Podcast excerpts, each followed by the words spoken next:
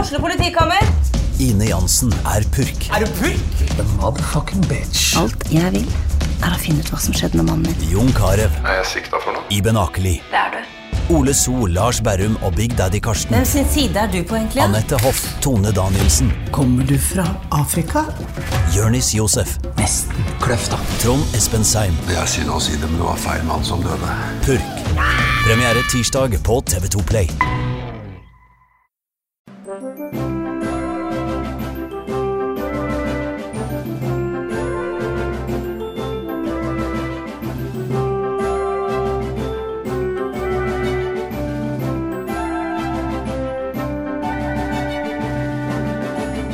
Nå skjer det, folkens. Nå er det klar for et nytt år og en ny Level Up Awards. Vi skal kåre de største, de viktigste, de beste spillene som har vært i 2023 med vårt fantastisk knippe av kategorier.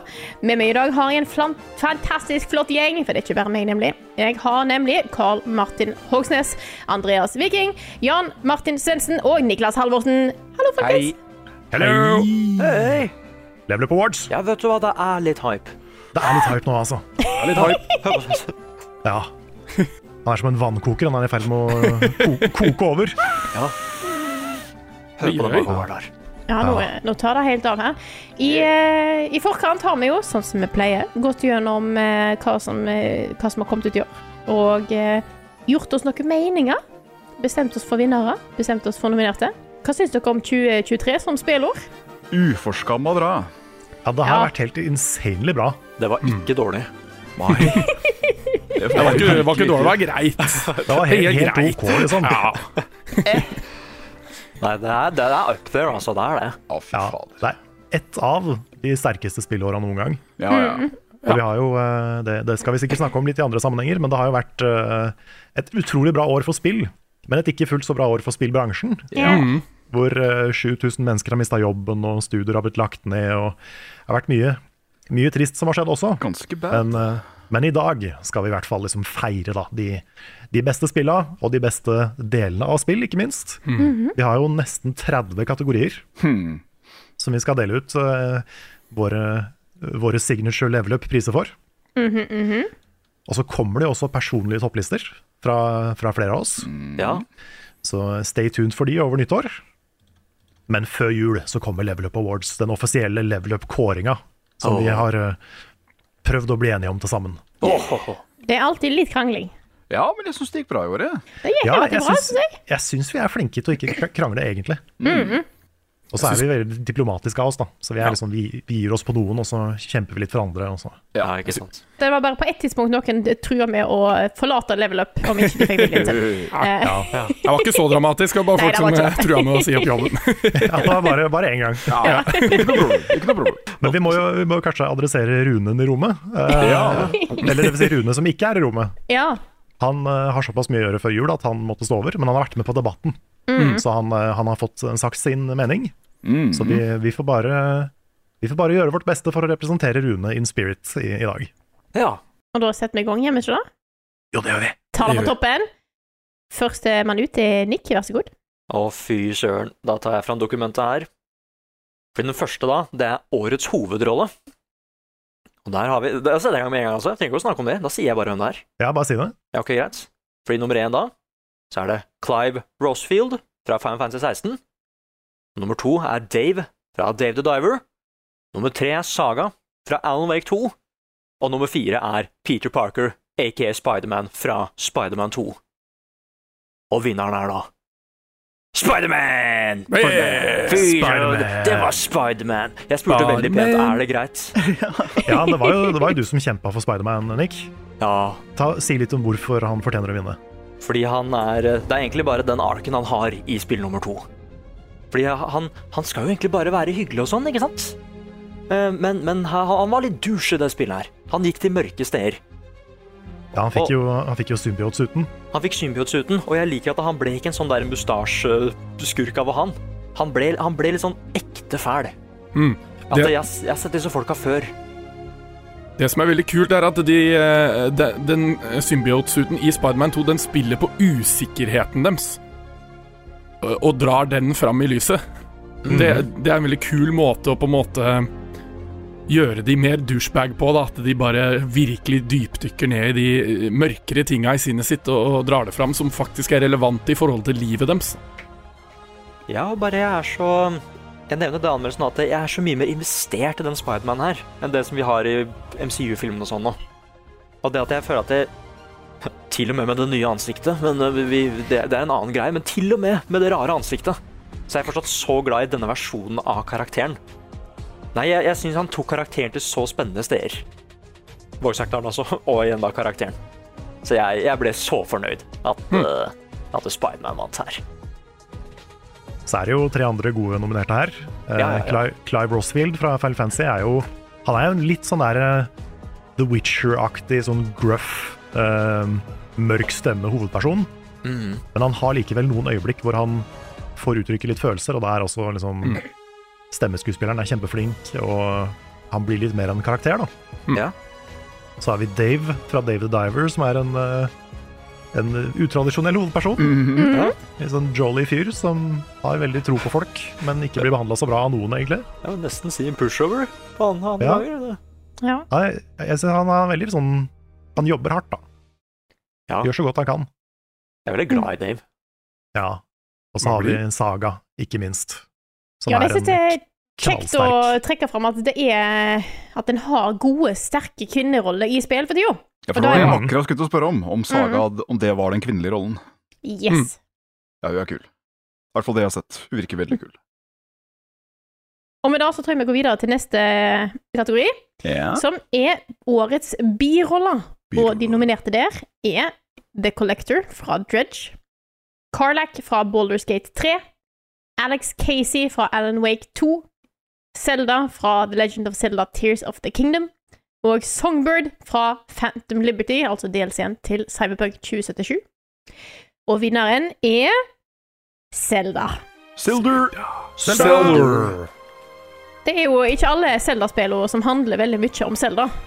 Nei. Men Tears of the Kingdom eh, er jo virkelig sentrert rundt Selda eh, og hennes eh, La oss kalle det eh, reise eh, i denne historien.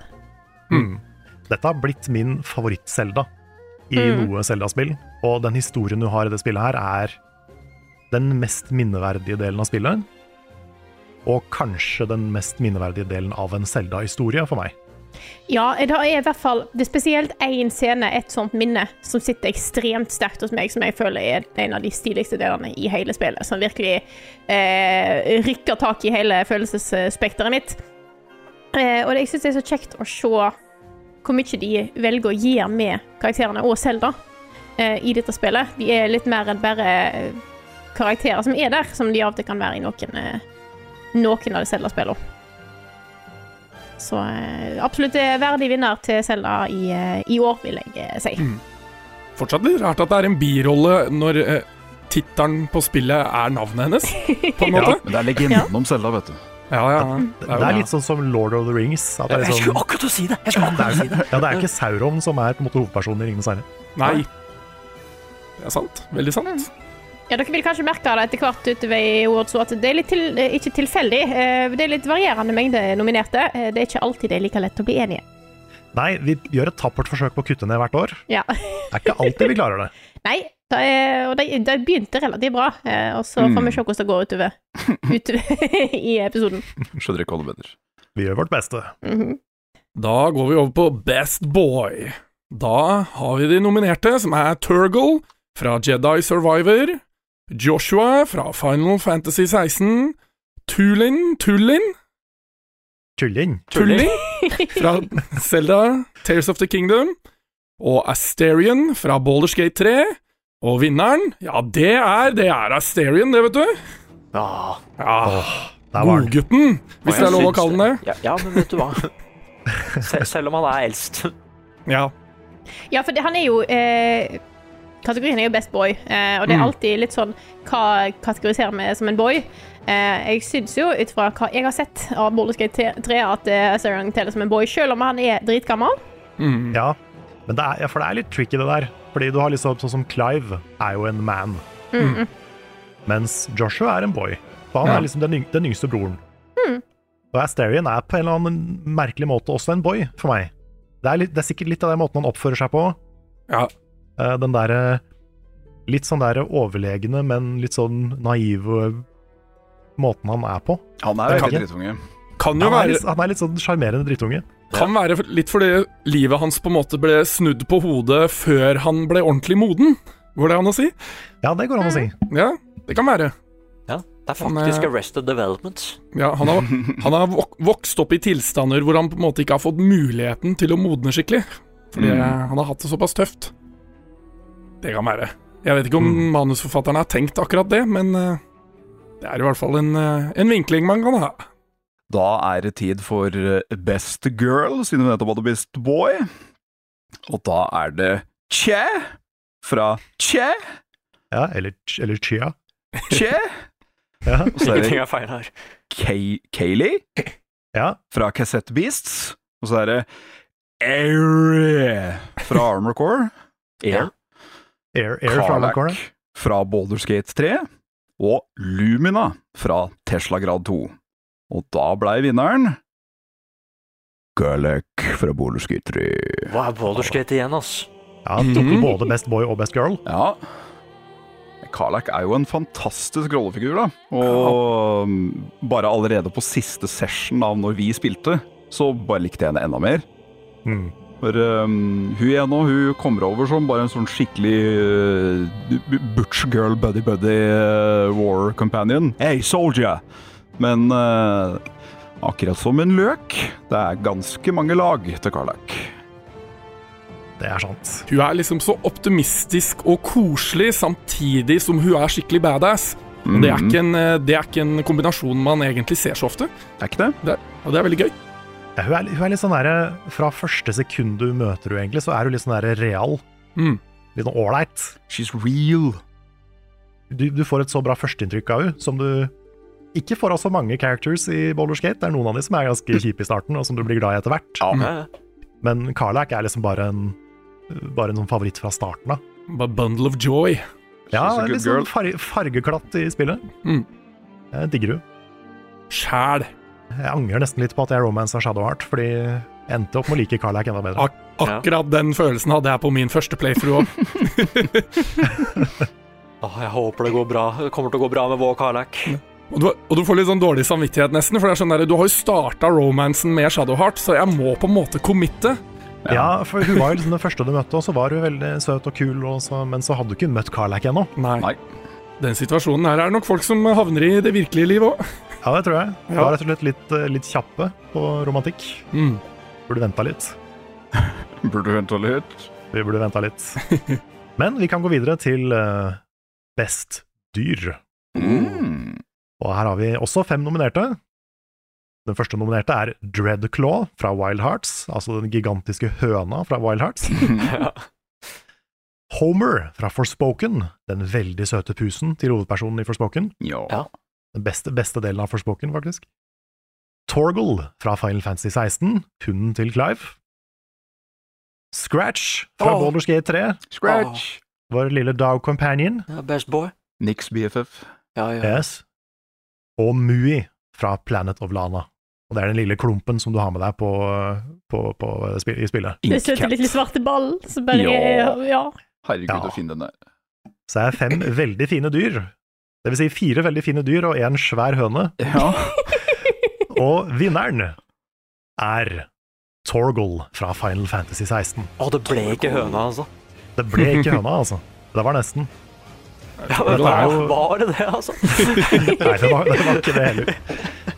Men Torgal er jo eh, en sånn kompanjong gjennom hele spillet. Mhm. Du får den først når han er en liten valp. Han er veldig søt, og så vokser han opp til å bli en sånn kul, badass, men fortsatt koselig liten hund, som har blitt en stor hund. Og du kan på en måte gi den ordre. Han er jo den eneste på en måte partymemberen i spillet du kan styre Det er sant. utenom Clive. Han, han blir et sånn ekstra element da, til, til eh, combaten og til spillet. Så har han noen ganske kule stunder i, i historien også, som eh, Mm. gjør han ganske badass. Så Torgal stakk av med seieren i år. Men det er en verdig vinner. Mm, Selv om hun er å, så er det Mm. ja Mui er så søt. Så fin. Jo. Men, da, men da, da tar jeg den derre Jeg er lei av å snakke om én person, nå tar vi bare hele castet, da. I spillet. For da er det årets ensemble. Ja, det er det det står der. Ja, ensemble. Ja, årets ensemble. Og da har vi Octopath The Traveler 2, som også kom i år. Folk glemmer det, altså, men det kom i år, på starten. Så er det Tears of the Kingdom. Så er det Baldur's Gate 3, Dave the Diver og Alan Wake 2. Og det spillet da som hadde best ensemble i år, var også Baldur's Gate 3. Yeah! Tredje pris til Baldur's Gate allerede, Det er altså. både quality og quantity der. Ja, men det er det. Det er det. Det er vanskelig å slå Baldur's Gate 3 på a- akkurat en ensemble.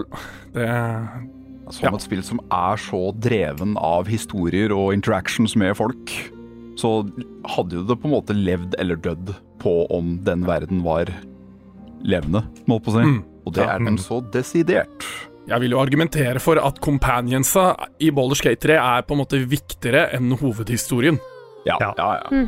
Helt enig. Det er, eh, det er liksom i enda større grad enn sånn som Mass Effect, da. Så er, det, er, det er karakterene som driver historien, Mm. og det gjennomsyrer hele spillet, føler jeg. Ja, ba- det det er så lett å bare ha med de beste fra starten, og så vanne det litt ut. I hvert fall når det er et så langt spill. Men til og med når vi er 100 timer inn, så begynner det, for- det dukker fortsatt opp spennende nye folk. Mm. Mm. Og det dukker opp nye hemmeligheter du ikke visste om eh, karakterene du har hatt med deg fra start også. Eh, Ikke minst, det skjer ting med flere av de. Det gjør det. Det er ikke sikkert man er venner med alle gjennom hele spillet. Uh, Nei. Og så har jeg lyst til å gi en liten shout-out til til Dave the Diver, som har et herlig knippe Ja. av karakterer som er så crazy. Det, jeg har aldri vært med på noe mer anime enn de der eh, de sekvensene og eh, revealsa og 'Å, nå skal jeg lage noe for deg', eller whatever. Så bare sitter du der og hva, hva skjedde nå? Og de der eh, litt sånn ninja master-animasjonene til han kokken Ja.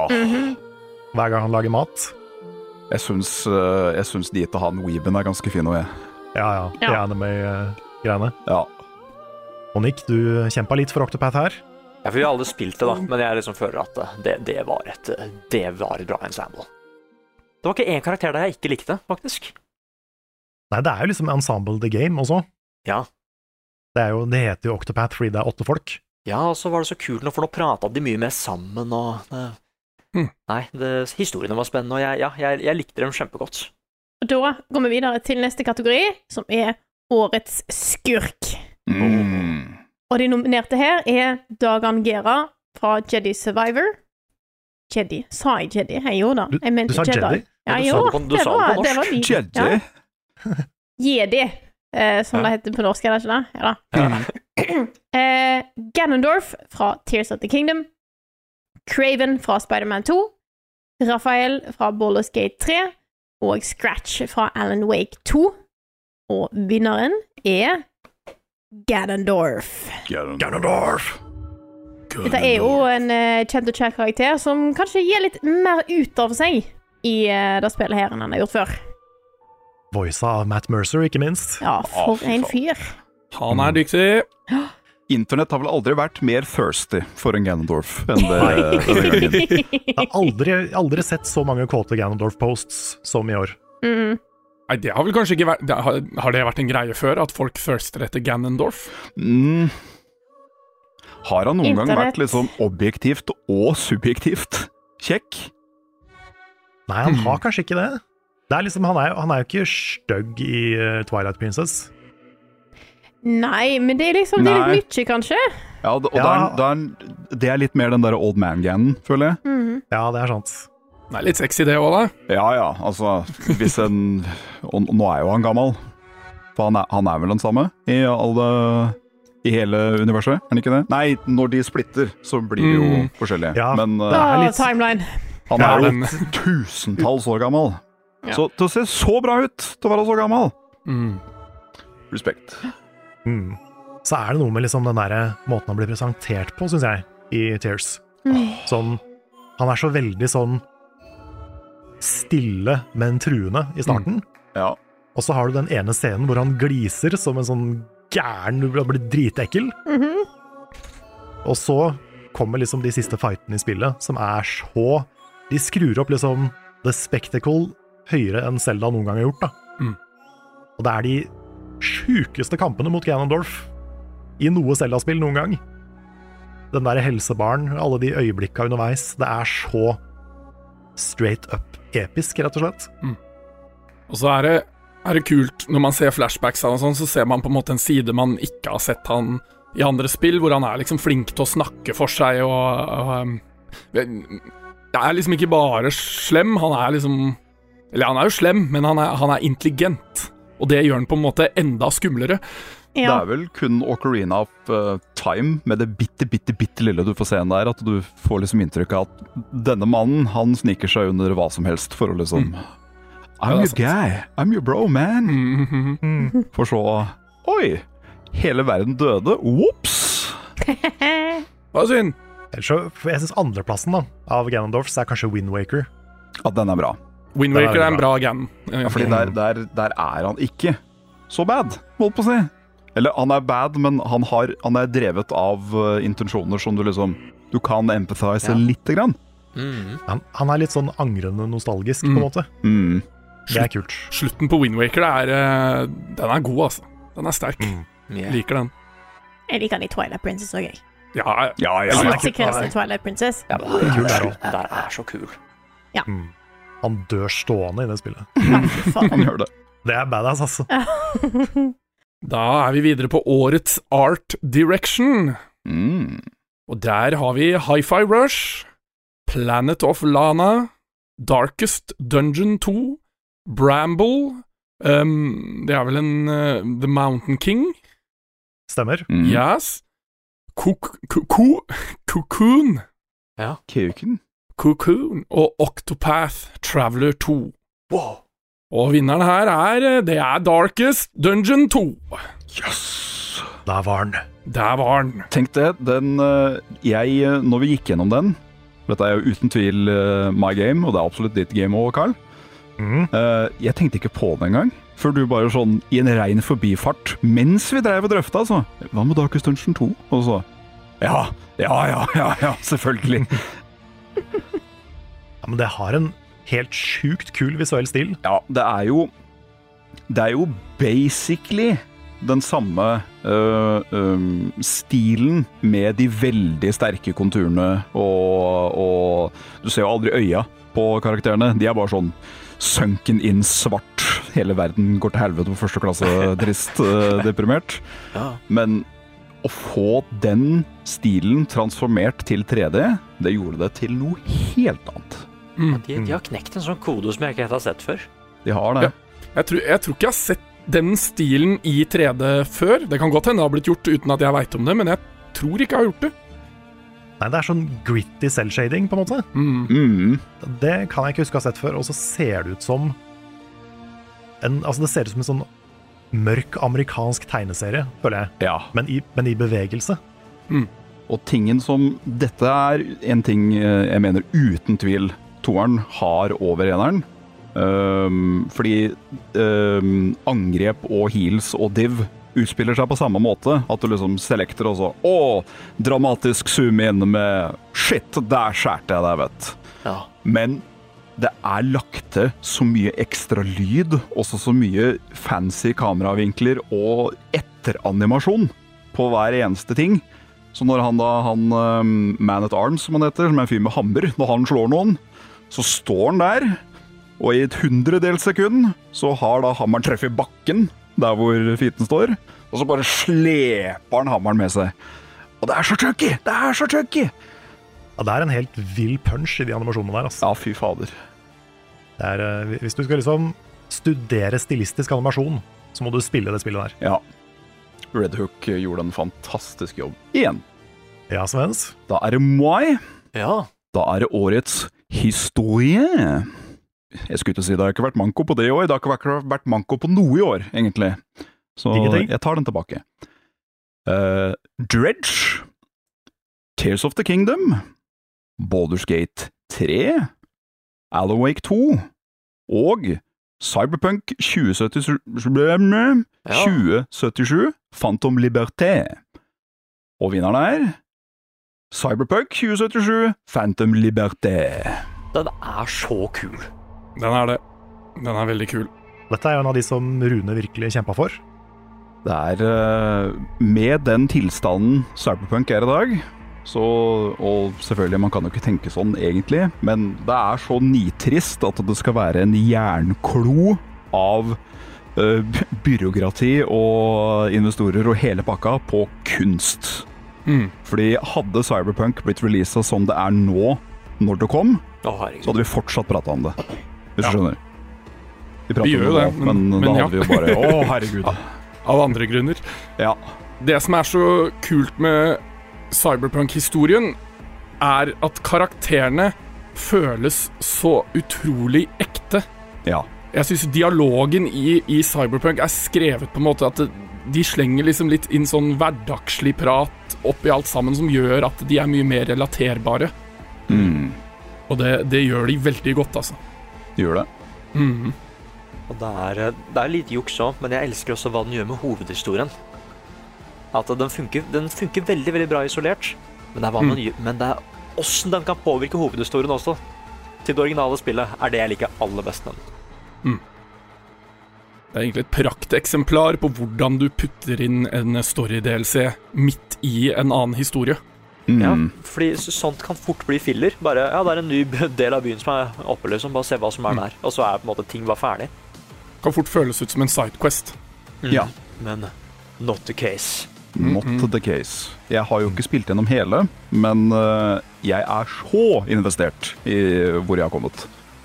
Og sett pisene og igjen figurene. Du blir jo veldig glad i de som allerede er med i the base game, men eh, det er ikke noe manko her heller. Nei, Det er det ikke. absolutt ikke. Da hopper vi over til årets stemmeskuespiller. Mm. Her har vi seks nominerte. Dette var en av de som vi sleit med å kutte ned.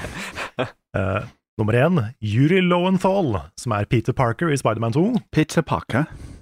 Ben Starr, som er Clive Rossfield i Final Fantasy 16, og også It's a Mia Fucking Mario Ja, så ja. eh, i den fine lille videoen han la ut på, på internett. Du elsker den mannen, altså. Ja, jeg liker han. Lachlan Watson, som er Fang i Goodbye Volcano High. Wayne June, narrator i Darkest Dungeon 2. Amelia Tyler, som er narrator, eller forteller, som det strengt tatt heter på norsk, i, i Baldur's Gate 3.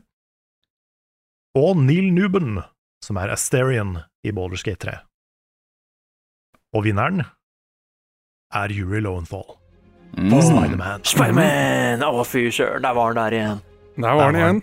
Jeg Du er fikk så både hovedrolle og stemmeskuespiller, du. Nick. Jeg er så fornøyd. Jeg kan faktisk ikke huske sist gang liksom, vi hadde en level up awards hvor jeg var så fornøyd med vinnerne. Nei, men, men det er akkurat det som jeg sa i stad. med at Han er sånn derre ehm, Jeg nevnte også det når vi snakka om for en dag siden hvor vi skulle bli eh, enige om hvem som skulle vinne, og nominasjonen og sånn, er at eh, jeg syns alle de andre som er her, er veldig gode. Men det skal en veldig sånn god presentasjon til for at jeg ikke ser skuespill noe mer. At jeg bare jeg, jeg ser på det som noe ekte, det som skjer der. Og jeg, sy jeg syns han er en mester på den, ass. Vanlig hverdagsprat, rett og slett. Han er utrolig allsidig i det spillet. Ja, For det de gjør i Spiderman, er jo at de rekorder vel alle replikkene to ganger. herregud, ass. Oi, Det- Med at, Mm. med at én er liksom når du står på bakken, og én er mens du svinger. Ja, for han roper mer når han svinger og anstrenger seg mer for å snakke, noe som e egentlig er sånne ting man kanskje ikke legger merke til, men det gjør det på en måte bedre allikevel. Mm. Og i tillegg så har han jo denne symbiot-historien, Ja. hvor han får en veldig annen type stemme. ja og, jeg, og jeg elsker at det, det tar litt sånn Man vet jo når man har hørt om symbiothistorien og sånn, at han skal bli litt eh, Han skal bli litt bully. Litt bully Peter Parker. Men som jeg nevnte i stad, at eh, jeg liker hvor naturlig det er. Fordi det skjer ikke bare med én gang. Det er ikke en lysbryter, liksom. Det er en sånn gradvis Det er en gradvis level av douche der, da. Som blir bare sakte, men sikkert eh, Og, og jeg syns det, er- jeg synes det er ekkelt, den oppførselen hans. Mm. Det, er- det, det, er- det kommer fra et sånn virkelig sted, da. folk som jeg ikke har lyst til å være venner med noe mer, på en måte. Eh, jeg, jeg kunne ønske den var mye mer Jeg kunne ønske den delen av historien At det var en mye større del av spillet. Jeg ville veldig gjerne sett mer av Symbio og Peter Parker og sånn. Mm. Men det lille vi fikk der, var helt prima. Det, det er litt skummelt for utviklerne også å la han være douche veldig lenge. Du, du, du, spi, du spiller som en, ikke sant? Så det er litt sånn hvor, hvor lenge er det folk takler at han er douche i? Så jeg, skj- jeg skjønner litt på en måte at de er litt forsiktige med det også. Mm. Ja, for det det er litt sånn der eh, bitterheten til en person som sliter, som Mm. er liksom tungt deprimert og begynner å på en måte ta det ut på resten av verden. Da. Ja, det er akkurat det der. Mm. Veldig sånn real på akkurat det. Nei, jeg bare konteksten rundt historien hans når han prater med folk og er slem. Det er noe ganske Det er noe der hvor jeg er litt sånn at de, de gikk ikke for langt, men det er litt på grensa. Han er, han er skikkelig fæl. Det Mm. er så bare, og så vet du hva? Og så har han noen skikkelig gode skrikescener òg. Jeg tar den. Noen Mm. skikkelig gode skrikescener. Han veit åssen han skal skrike. For det, det høres helt forferdelig ut, ass. Når han Da vil jeg- virkelig da tar vil- det. Da vil jeg gi en shout-out til Ben Starr også, han også skriker bra. Ja, han kan skrike, De ass. er gode skrikere, begge to. Det- Mm. Ja, for det, det, det er litt det som eh, Jeg kjempa jo litt for Ben Starr her. Ja. eh, og det er litt fordi, eh, både fordi jeg liker typen s- såpass godt, som jeg nevnte i stad. Mm. Han virker som en sånn morsom, eh, skikkelig erkenerd, så jeg har blitt litt glad i han. Men, eh, men han er jo Når han er litt sånn flat som Clive, så er han liksom litt sånn one note, kanskje. Mm. At han eh, har den derre standard mørkestemmen hvor han er bare litt sånn tough guy. Men når han får lov å uttrykke seg, når han får lov å vise følelser, å være fortvila eller sinna eller lei seg eller hva som helst, da kommer liksom skuespilleren fram, da. Mm. Og da er det så bra, det er så sterkt. Men det er, jo, det er jo egentlig en ganske god måte å å spille på det også. At det, det er jo ikke Det gjør det jo egentlig bedre når han er litt lavmælt, for det er karakteren som holder på en måte følelsene sine inne. Mm. Ehm, han er jo stoic. Han vil jo være stoic, men eh, det er ikke alltid han klarer det. Sant. Også en shout-out til eh, Lachlan, Lachlan Watson, Mm. som eh, både spiller Fang og i tillegg synger alle sangene i Goodbye Volcano High. Det er en, eh, det er en god stemme, ass. Ok, Nick. Var ok, Nick? Å ja, herregud, ja, nå trodde jeg at det var jeg, for jeg snakka så mye. Ok. Nå ble jeg skikkelig forvirra. Bare skal jeg ta en pris igjen? tenkte jeg litt nå. Men, men ok. Um, for det er da årets gjennombrudd er vi på nå. Hva vil det egentlig si, bare sånn liksom Det første spillet som noen har lagd? Nei, ikke nødvendigvis første, men det første spill, det spillet som gjorde de store, eller satt de på kartet. Ok. Mm. Fordi da har vi Dredge, så har vi Lies of P, Cocoon og Dave the Diver. Og vinneren er da Pinocchio fra Lies of P. Det er liksom morsomt. Pinocchio from Soft, rett og slett. Som er Ja. en sånn der sånn Er vi helt sikre på at vi skal satse på den ideen der? Ja, OK, vi prøver. Vi kan, vi kan se hvor rart det blir. Hæ? Nei, fordi jeg holdt på å si nå- nå- Det var ikke noe copyright på Pin- Pinocchio noe mer. Så de ville prøve sin helt egen greie. Og det er det nærmeste Det er det beste Fromsdal-spillet som ikke Fromsdal har lagd, er vel egentlig Mm. Ja, jeg tør å, tør å bli med på denne, altså. Og første gangen en, en, eh, Souls-like klarer å fange litt av den eh, La oss kalle det magien til Fromsoft. Ja, og så er det det eneste spillet, faktisk, som har klart å fange magien til Bloodborne. Ja. Ja, det er jeg enig i. Og Det er eh, That's a tall order. Det er ikke bare bare. Nei. Nei. De, og du ser jo på det at de har studert Bloodborne ned til liksom Ja, ja. Mikro, Det- mikroanimasjoner, det er så det er til og veldig, med- veldig likt. Det er til og med en silhuett i et vindu som hoster, liksom.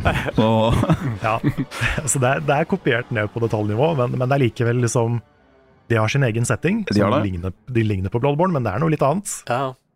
Og, og sin egen historie, sin egen vibe. ja. Og, og så er kampsystemet bra nok til et sånt spill. Og det er det mange som ikke er. ja altså det, det våpensystemet, da. Det er jo faktisk litt sånn der eh, Det i seg sjøl kunne vært sjangerdefinerende, faktisk. Mm. Det, er, det er kult. Og så må jeg bare få si én ting. Det er at Jesus Christ og kjekk Pinocchio er. Han er pen. Ja, jeg plager meg hvor pen han er. Pen. Pen boy. Han ligner, han ligner jo på Vi oppdaga det på Game Awards. Han er utrolig lik eh, Timothy Charlemagne. Ja, Ja. håret og i hvert fall håret. Eh, Ja. veldig. tror, dere, tror dere de fikk inspirasjon til tittelen på det spillet fordi at eh, det var noen som jugde om at de hadde tissa utafor doskåla? Ja, kanskje det. Nå sier du Det er noe, jo- det er litt interessant law, da, hvis det stemmer. Ja. Men de må jo ha tenkt på det når de kalte den der oppgraderingstreet for P-organ. ja, faktisk. Ja. Da må de ha tenkt på det. Det må ha slått dem. Det må, det må ha vært én Ja. i det selskapet som bare Vent litt. Alle de åra de har sittet og jobba på det her, så må det ha vært én person som har sagt det. Ja.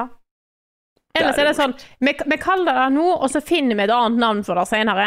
Ja.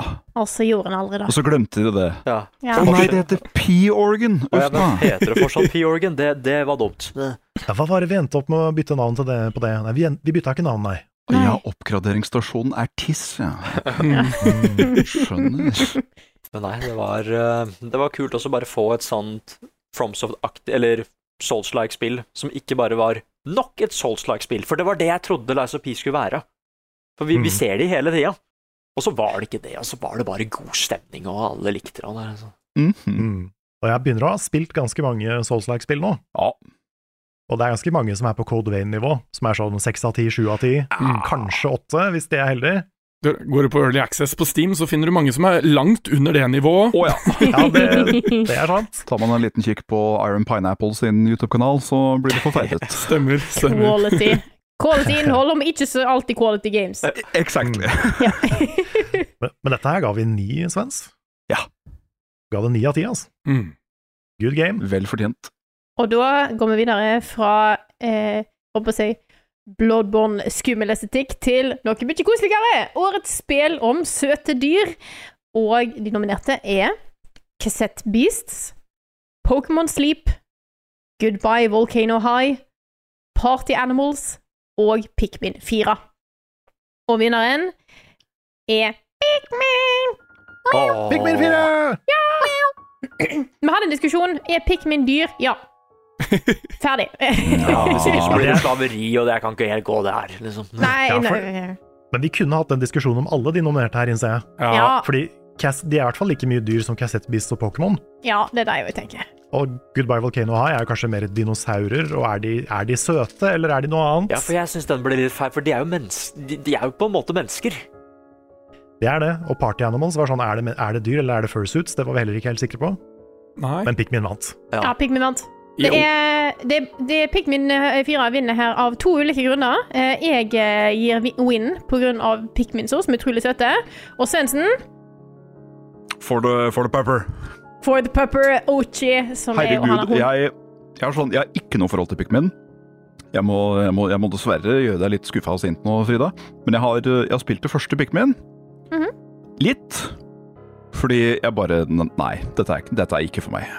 Det er Men helt jeg- lov. Men jeg tror jeg aldri har blitt så umiddelbart forelska i et virtuelt vesen som jeg var da jeg så Daochi, eller hva det er for noe. Mm. Ja. Han er, han er ganske cute. Den er nydelig. Mm. That's a good Så, dog. eh, ja, ja. Nei, det Pikmin-spillet er jo eh, Det er jo det fjerde av, se- eller, på en måte, hovedspillet i serien, og der har jo alltid kommet nye Pikmin-typer her og der, og Pikmin 4 har jo alle de tidligere typene, pluss noen nye. Eh, og vi snakka om det litt eh, da vi diskuterte de nominerte, og jeg og du, Nick, er veldig glad i disse nye Glow Pikmin så. Ah, de Det er er så, kule. jeg gleder meg sånn til de skal dukke opp i eh, Pikmin Bloom. For de er så søte. Ja. Er det Luminescent Pikmin? ja. De er Ghost Det er Pikmin. spøkelsespigmen. Mhm. Ja, det ene øyet er litt Det større enn det blir- andre, og de Nei, de er så koselige. Mm. Å ja, se på de. De så litt sånn der eh, Ghibli ut. Ja. Ja, men vet ja, du de hva? er egentlig litt det. Har ikke de Mhm. det perfekte designet til sånn, dere, til sånn nattlys for barn? Jo, jeg tror det. Jo. På en sånn liten klase med de, som bare henger på veggen og Hei, pass Det, på deg. det, får, det får du nesten helt sikkert kjøpt på Super Nintendo World i, eh, Helt sikkert. Mm. i Los Angeles. Det første jeg fikk opp når jeg googla det, var bamser, i hvert fall. Så Ja. Gøy å kunne gi en pris til Pikmin. ja. Det syns jeg. da er vi på Der, vet du. Årets Questline. Da har vi The Collector fra Dredge, The Fifth Sage fra Tears of the Kingdom, Iron Throne fra Baldersgate 3, Howard fra Spiderman 2, First Contact fra Starfield, og vinneren er The Fifth Sage fra Tears of the Kingdom. Yeah! Yeah! Der var den. Der var den, der satt den. Der satt den. Hva skal vi si om den her uten å spoile for de som ikke har kommet seg gjennom uh, Tears ennå? Ja, dette her er jo en kategori som er rett og slett ikke bare en eh, enkel scene. Det er ofte eh, lengre, lengre ting, og, og denne Quest-linen her er jo ganske eh, eh, omfattende. Eh, og han er ikke obligatorisk. Nei, den, den kommer ganske seint i spillet, men du kan jo snuble over den tidligere. Mhm. Og det finnes mange måter å gjøre den på. Du kan jo Jeg vet at Rune har eh, gått mot strømmen og leita seg rundt i en storm uten, uten sikt for å, for å gjøre den questen her. Jeg gjorde ikke det. Jeg, Nei. jeg fulgte liksom historiebiten. Men den har så mange stadier ved seg. Mhm. Den begynner liksom ned på bakken, så skal du opp i lufta, så skal du ned. Og når du kommer til hoveddelen, da, så må du bruke alt du har lært om å bygge maskiner for å sette sammen en ting Mm. som er en ganske kul ting, Mhm. som, som du ikke, i hvert fall som jeg ikke forventa å ha i det spillet her. Nei, samme her. Eh, og det kulminerer også med en egen bossfight, og du får historie her. Og gjør du den questen her, så får du en eh, I tillegg til å gjøre alle de andre questene, da, hovedquesten i spillet, så får du den siste epilogen i, til historien. Så det er en sånn utrolig kul, givende essensen av Tears of the Kingdom Quest, føler jeg. Ja. Og det var jeg kom borti noen av elementene som skulle brukes i denne eh, questen, ganske tidlig. Eh, og tenkte sånn Gud, hva skal jeg gjøre med dette her? Er det noe jeg ikke har skjønt? Og så innså jeg OK, jeg må vente med dette senere. Og da var det Jeg var liksom litt sånn gira på når, når vil jeg komme borti disse tingene. Så det var litt, Mm. det var litt hype, rett og slett. Det var skikkelig hype. Og f- f- kan kan jeg bare si eh, at Howard Questen var fin den da i Spider-Man. Mhm. Ja, den var fin. Ja. Eh, liten shout-out til Iron Throne også. Ja. For det er eh, Det er sikkert eh, mange som tenker at eh, turn-based, det kan ikke være stressende. Jo da, det kan det. I aller høyeste grad. Aller høyeste grad. Aller høyeste grad. Det er også en quest du lett kan misse. Mm. Hvis ikke du eh, enten tar spesifikke valg eller snubler over den. Men du har veldig begrensa med tid for å gjøre veldig viktige ting. Mm. Og eh, foregår også på, et, eh, på en location som er ganske annerledes fra andre ting i spillet. Noe annet som også er stilig å gi, et, eh, gi en award til, eh, eh, Ah, ja. Mm. det er årets comeback. Ja. Og på den så har vi følgende Baldur's Gate 3, Alan Wake 2, Resident Evil 4 Og mange, mange tall her. Super Mario RPG og Pikmin 4. Og da er vinneren Baldur's Gate 3. Yeah! Selvfølgelig. Ja, Sjokkerende var vinner. det på den. egentlig ja. tvil? Sånn Altså, sett. det her er jo en ikonisk spillserie som var veldig ikonisk når den kom. Mhm. Og så vil jeg kanskje si at den har falt litt inn i nisje med åra, for at eh, Selvfølgelig, det kommer jo nye ting, nye generasjoner, altså Det har jo aldri blitt glemt. Men det har på en måte Jeg tror ikke det er det spillet flest folk går tilbake og spiller av sånne nostalgiske spill hvis de på en måte er unge. Nei. Nei, jeg har hørt flere folk snakke om Neverwinter Nights og sånn. Mhm. Ja. Ja, for det er jo noen år seinere. Mm. Ja, fordi det, det mm, s- Snakk om comeback, fordi Baldur's Gate 2 kom ut i år 2000. Oh boy. Ja. Det er 23 år siden. 23 år siden. Og så er det så solskinnshistorie med Larian og hele pakka. Ja, det, er, Ja, det, han, de, dette, er- det er bare bra her. Det er Ja, bare, bare bra. Bare spurte, bra. Det de spurte om de kunne lage et Baldur's Gate-spill, og, og da sa de Jeg tror ikke dere er liksom gode nok til å lage det. Så de måtte lage Divinity først for å bevise det. Ja. Mm. Og boy, gjorde de med beviste det. Divinity 2. Ja, Ja, det gjorde ja jeg. og da spurte de de om de kunne lage Baldur's Gate. Liksom. Mm. Bare OK, greit, sorry. Her har du Baldur's Gate. De betalte faktisk for å lage Baldur's Gate. De betalte for lisensen. De fikk ikke penger av Wizards of the Coast for å lage det. Ha. Nei. Det er passion. Mm, Det er det er passion. Passion lager bra ting. Det gjør det. Det gjør det, altså. Mm. Da går vi videre til årets Star. En splitter ny kategori for, for i år. Ja, og la oss se om de klarer å skjønne liksom hvorfor. Hva denne kategorien Ja. er. Mhm. Årets Star, de nominerte er da Star Wars, Jedi Survivor, Star Ocean, The Second Story R, Sea of Stars, Starfield, Nickelodeon All Star Brawl 2, Sonic Superstars, Honkai Star Rail. Og Mercenaries Lament, The Seven Stars of the Silver Wolf and Shrine Maiden. Wow. Tongue twister, den siste der. For en Og vinneren er Starfield. Ja. Yes.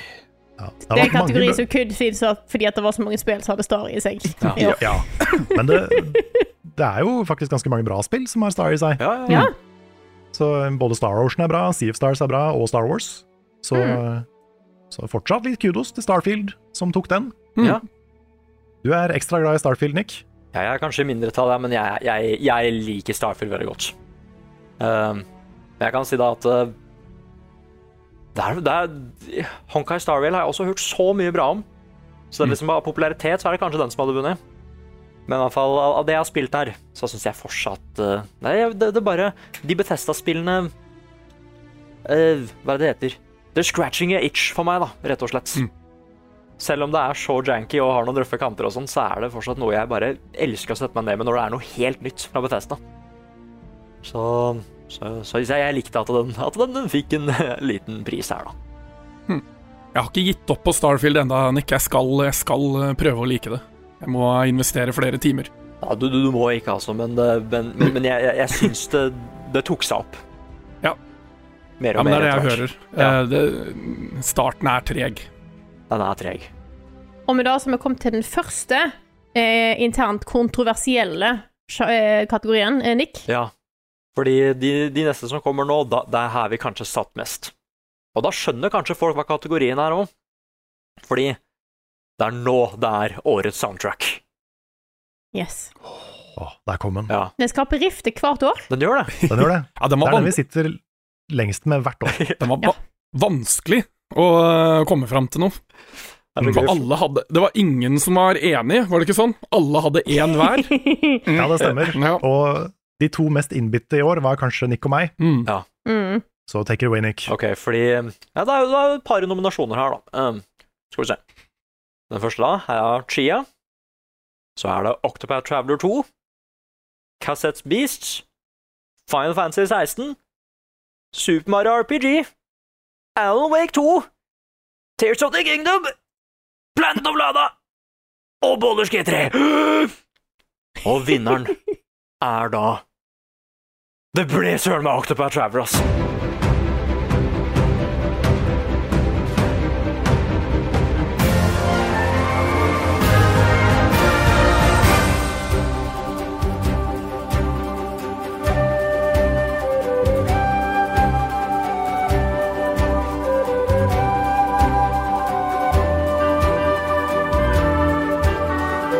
Fy søren. Det gjorde oss. Herregud. Og det, det, var det, det var noen compromises her, men eh, Jeg begynner å skjønne hvorfor du er fornøyd med lista i år. Nick. ja, det, det, Vet du hva, ass. Nei, det er um, Dette er også sånn der at eh, jeg var litt redd for at eh, hvis jeg skal selge her, så må jeg jo bare finne fram de beste låtene. For vi har gjort det litt før òg, bare finne de beste låtene hvis man ikke har spilt spillene eller hørt hele soundtracket. Men det som er så sjokkerende med det, er at eh, jeg blir som eh, Det er litt sånn som 'Ringenes herre', med at eh, jeg syns den første filmen er den beste. Men mye av det er også fordi at jeg syns ikke musikken blir bedre enn det den var i den første. Enten så er det noe som er Enten så er det musikken fra den første, eller så er det noe annet som ikke helt klarer å toppe musikken, føler jeg. Og jeg trodde Octopath skulle være noe sånt, da. Med at eh, de har allerede naila det på første forsøk. Hva hva skal de gjøre? Bare naile det igjen? Er på en måte liksom det beste de kan gjøre, var det jeg tenkte. Men så er det søren meg bedre, altså. Det er bedre enn det første. Jeg elsker alle main teamsa til alle karakterene. Og det som er så sjukt, er at det er så Jeg tror det var noe sånn 90 låt, forskjellige låter eller et eller annet sånt. Og Oi. 70 av de har en versjon 2 ut ifra liksom hvilken, eh, hvilken tid det er på døgnet. For du kan, skru, du kan skru tiden, om denne skal være på dag eller natt. Og da kan de sangene gå fra å være rolige og fine, og noen av de kan til og med bli skumle, da. Og så er det bare så good old fashion hype i det soundtracket der. Jeg er veldig fan av når de tar eh, soundtrack og lager flere versjoner av det, avhengig av på en måte situasjonen. Mm. Det syns jeg er veldig kult. Nei, og det er eh, Nei, jeg- det er en sånn at det, det- det har både Både det quantity, det er dritmange sanger, og det er så mye quality her. Det er så mange bangers i det soundtracket. Jeg har definitivt hørt mer på Octopath Traveler 1-soundtracket enn jeg har spilt Octopath Traveler 1. wow. Og Og det, jeg, jeg spilte eneren, men ikke, ikke gjennom. Nei. Men jeg elsker det soundtracket. Og Octopath Traveler 2 også er et nydelig soundtrack. Ja, det er bra, ass. Og, Jeg har Så gitt det var meg ikke- noen tidbits, og det Those were bangers. mm, men, men jeg kan si da at eh, jeg ville, jeg ville så klart at denne skulle vinne, for det var mitt favorittsoundtrack i år. Men hvis Chia-soundtracket vant òg, isteden, så hadde jeg faktisk Det hadde gått greit. Fordi det er Det sier du nå! Nei, jeg bare tuller. Sa ikke det i går! Jo, jeg sa jo det. Ja, da, vi Jo, gjorde du det, jeg bare sa det, tuller. Vi gjorde det. Men, eh, men nei, for vi hadde, jo, vi hadde jo hver vår favoritt her. Min var Chia, som jeg kjempa for. Ja. Eh, Svens, du hadde Super Mario RPG, Stemmer. og den, der også var jeg litt enig med deg, fordi god damn, den musikken er flott. Wow. Rett og slett wow. Eh, Rune hadde Planet of Lana. Eh, Andreas, du hadde Boulder Skates. Mm. Og Frida, du hadde Tears of the Kingdom. Yes. Så eh, utrolig mange bra spillsoundtracks i år. Yes. Ja, ja, ja. Mm -mm. Det blør jo på en måte litt over i den neste prisen. Det gjør det. For neste kategori er årets låt.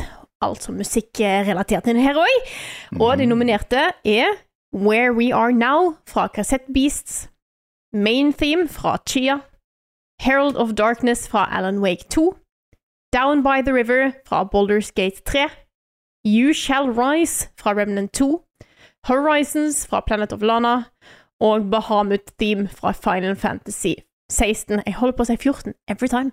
Ja. Og vinneren er Main Theme fra Chia.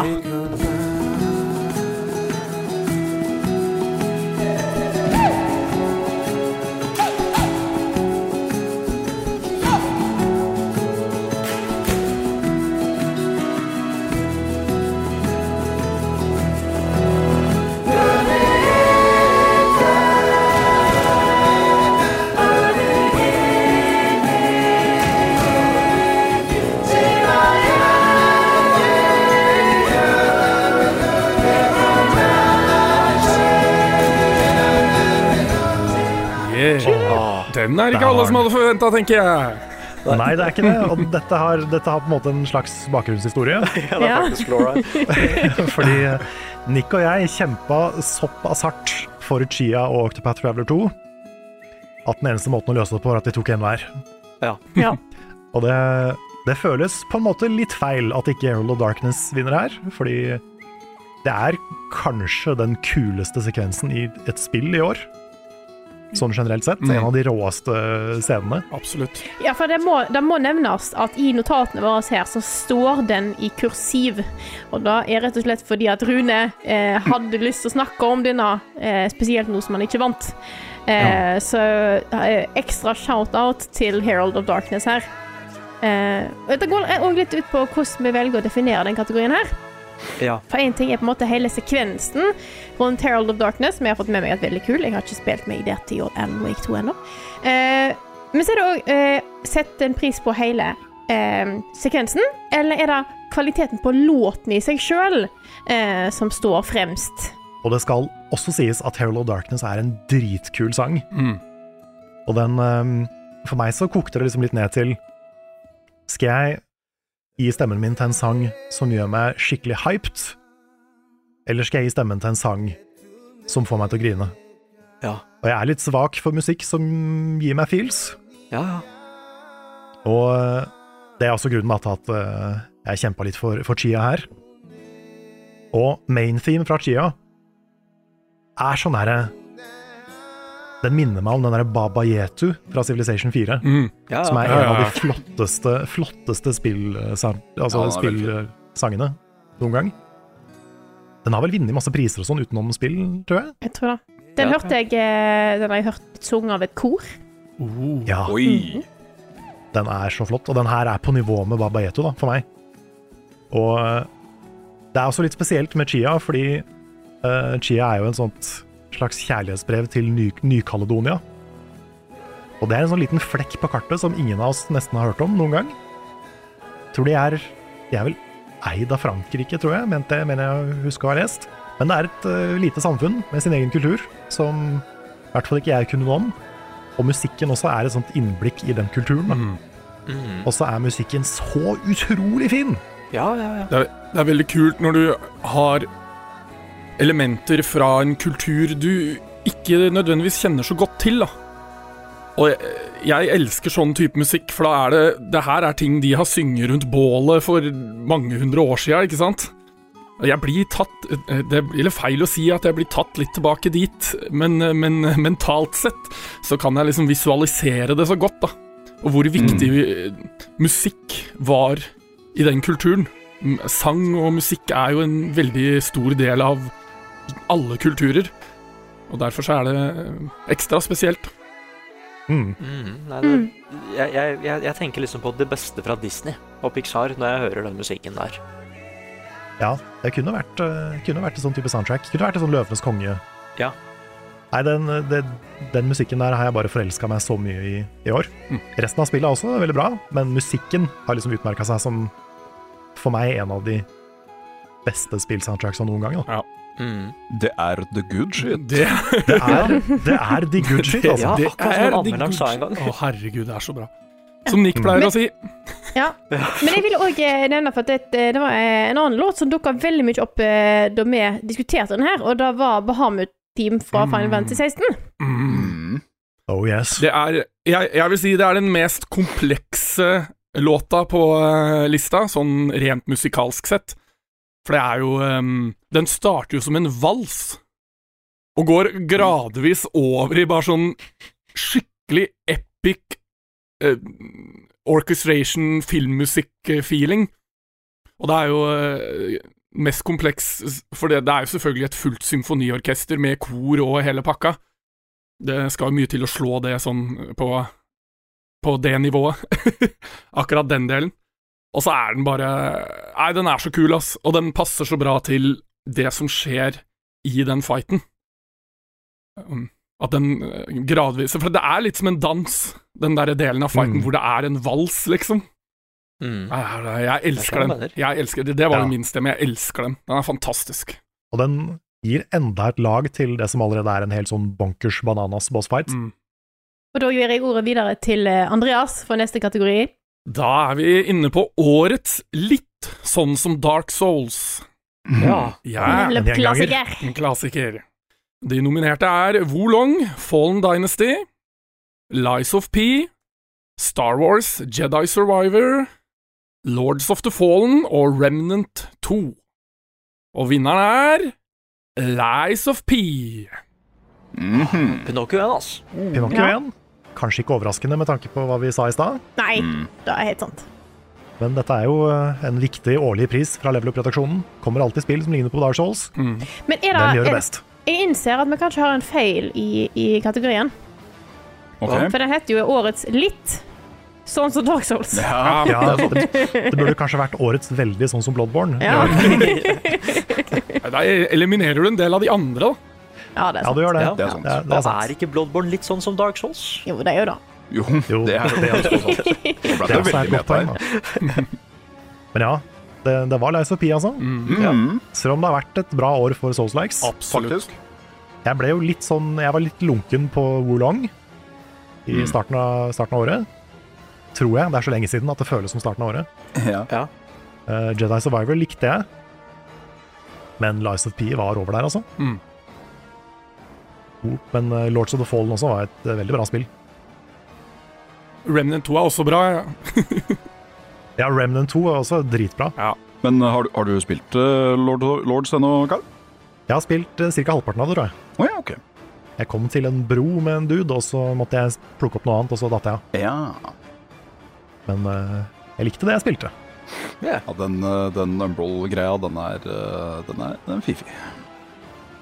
Det er på en måte I Lords of the Fallen så er det Spillet er så mørkt, og så kommer Ja. du til Umbral, som er sånn derre Å ja, det kan bli enda mørkere. Ja, det er nettopp det. Nei, men vel fortjent. Pinocchio, Pinocchio hører du? Lies of P. Det var eh, Det er the good shit. det er the good shit, altså. Vi må Ja, lage den altså. T-skjorta en dag. Vi, Ja, må, men, det. hva da? Ja, men er det vi som skal lage den, eller må liksom noen andre gjøre det for oss? Nei, vi kan lage den. ja, ja, ja. Ja, det, det syns jeg. Syns du burde ha Og kanskje capser med- og kopper og egentlig alt. Ja, så ta det. Jeg vil ha 'Dette er the good shit' sausnebb. Ok. Så har vi årets våpen slash gadget. Å, den er kul. Mhm. Mm. Den er kul. Det er noen kule contenders der òg. Det er eh, Wonderflower fra Super Mario Bros. Wonder. Det er den som Ja. gjør deg til elefant, ikke sant? Er det den som gjør at eh, verden går, blir på syra? Ja, det er det jo! Det er, jo. Mm. Det er LS surtrippen. LSD, ja. Ja, Yes. Den gjør noe nytt hver gang. Every time. nettopp. The Symbiote Suit fra Spiderman 2. The Ultra Hand fra Tears of the Kingdom. Folk i Baldur's G3. Den bør vi kanskje spesifisere litt. Ja. Eh, nei, i min playthrough, eller ikke min, vår playthrough av, uh, av Baldur's Gate, så er jo jeg en sånn veldig barbrawler-skikkelse. Og jeg fant ut at hm, det er veldig kult å kaste kister og div på folk. Men Hva med å kaste folk på folk? Ja. Og det hadde forbausende bra resultater. Ja. Har dere sett den videoen hvor han har bare lagd et party med Barbarian Halflings, som bare løper Ja, rundt ja, og ja, kaster ja. hverandre? Fantastisk. Det er helt fantastisk. Det er så fint at det går an. Ja, det er veldig fint at det går an. Ja, nei, Så ja. Men, eh, dette er jo noe som ikke har kommet på YouTube ennå, Nei. men, eh, men vi har spilt, spilt oss litt forbi det. Og, og Sven, du ble så sterk etter hvert at du begynte å kaste folk. Ja. Og siste, Shapeshifter Tech fra Phantom Liberté, altså Cyberpunk 2077. Ja. Og vinneren er The Ultra Hand fra Tears of the Kingdom. Ja, det er sånn Til og med hvor glad jeg er i Symbiote Suits, så kan jeg ikke Jeg, kan, jeg kunne ikke tatt den over Ultrahand, altså. Jeg kunne faktisk ikke gjøre det. Men Den Nei, For, er så smart! for jeg som er Nei, den er så smart. ja, Det da. jeg som er uinnvidd og naiv, Ultra Hand er den som la, gjør, lar at du kan bygge, blant Ja. annet. Ja, Mm. Ja. det er det. Det er den som lar deg eh, holdt på å si klippe og lime. Du, du kan eh, putte ting på andre ting, og lage svære maskiner og ting og tang. Ja. Det føles nesten som et sånn del deve developer tool, Ja. Ja. faktisk. Ja, Som du får lov å leke med i spillet, liksom. Ja. ja, ja. Og Mm. som jeg ikke kan forstå at funker så perfekt og bra som det gjør. For en del av meg tenker at hvis noen hadde gitt spillerne en mulighet til å bare liksom smekke sammen alt mulig rart, eh, så hadde det bare breaka spillet. Ja. Men det bare, det bare funker. Fysikken Mm. funker, og det er ikke noe janky. Det er ikke Jeg ser for meg Altså, hjernen min går til Garys mod med en gang, og der Ja, ja, ja. spesser jo ting eh, hele tida. Ja. Men her er det bare Det er bare bra. Faen, det er Nintendo, ass. Det er noe verdensklasse programmering involvert i eh, den greia der, altså. Jeg har, jeg har sett utviklere på Twitter rundt omkring i hele år som bare har vist sånne små scener fra Tales of the Kingdom og bare De forstår ikke hvordan det her funker. Åssen har de fått til dette her på en fucking switch, liksom? Jeg tror det her for meg er den kuleste spillmekanikken kanskje noen gang, i hvert fall siden Portal Gun, liksom. Ja. Den, den bare gjør det spillet for meg, og den er så det er, det er dette her for meg som gjør Tears of the Kingdom så magisk. Da. Det er at du kan bygge deg et fly og bare fly rundt i Hyrule, liksom. Og du kan, du, du kan lage en mech. Det er så ut- det, det er liksom bare fantasien som setter grenser, da. Jeg føler at eh, det er liksom Jeg ble helt blown away da jeg spilte det. eh, og kunne, innså at jeg kunne gjøre alle disse tingene. Eh, og så ble jeg liksom eh, La oss si jeg var vant med at jeg hadde den kreativiteten og muligheten tilgjengelig. At det, det er lett å nesten ta det for gitt. Eh, og gl- tenke litt sånn Og ikke Altså rett og slett bare glemme ut hvor fantastisk den funksjonen er. Mm. Mhm. Det, et av mine favorittøyeblikk fra Tears, Ja. det var når jeg var på stranda. Jeg bare gikk tilfeldig på stranda, og så fant jeg sånn skipsvrak. Og så tenkte jeg sånn, er det spillet her så gjennomarbeidet at jeg kan feste masse ballonger til den, det vraket her og lage meg et luftskip? Og så klarte jeg liksom etter hvert da, å øh, liksom jerry-rigge meg fire luftballonger på toppen av det vraket. Og det var så vidt nok til å få det til å lette. Og da var det sånn, ok, det er mulig.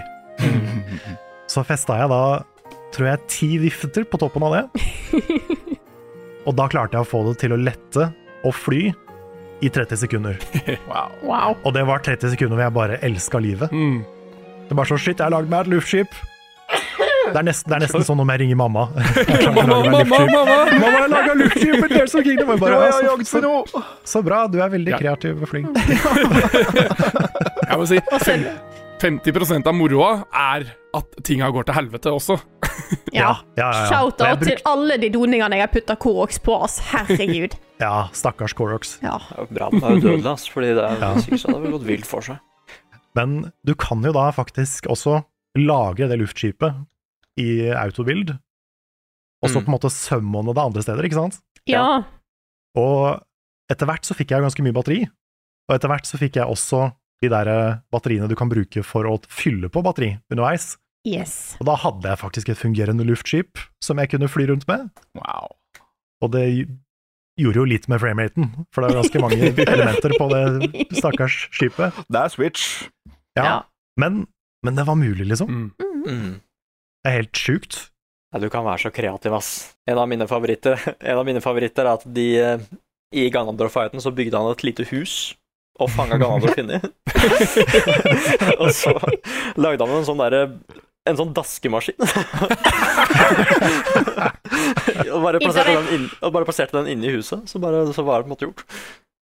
Det er kult. Ja. Det er gøy. Ja, nei, den er eh, soleklar vinner Med shout-out til folk. til folk. Ja. Ja, ja, ja. Svendsen sitt våpen. Det at du kan bokstavelig talt Altså, er du sterk nok, Mm. så er det veldig få ting du ikke kan bruke som et fysisk våpen i uh, Ja. Baldur's Gate. Jeg kasta en large person på Carlac når jeg skulle kaste folk, Ja, ikke sant. før hun var sterk nok, på en måte. Min, eh, min mor alltid trua meg da jeg var liten. Hvis, eh, hvis eh, jeg og min eh, fetter var litt umulige, sa nå, nå holder det altså, eller så tar jeg den ene og slår den andre med. Jeg putta det Wow. igjen i praksis. Ja. Det er sånn Mortal Kombat-greier. liksom. Men du gjorde det ikke på ordentlig, Svens. Nei, nei, nei, herregud, hun Nei, det var ikke, det var eh, ikke faktisk domestic abuse. nei, hun, hadde ikke, hun hadde ikke rørt meg med fluesmekker hvis det var så. Men det var bare Nei, nei, det er bra. Hun hadde klart det hvis hun ville. Å Ja. ja, mamma er sterk. Mamma er sterk. Da går vi videre til årets artsy indiespill om døden. Mm. En Gjenganger. annen, en annen level up gjenganger, Ja, ja. som vi må ha med hvert år, for det er ganske mange artsy indiespill om døden. Det er det. Vi liker, å, vi, vi liker å tenke på døden noen ganger. Mhm. Og da har vi de nominerte, fem stykker. Darkest Dungeon 2, Bramble The Mountain King, Goodbye Volcano High, Dredge og Blasphemous 2. Og vinneren er nok en gang Darkest Dungeon 2.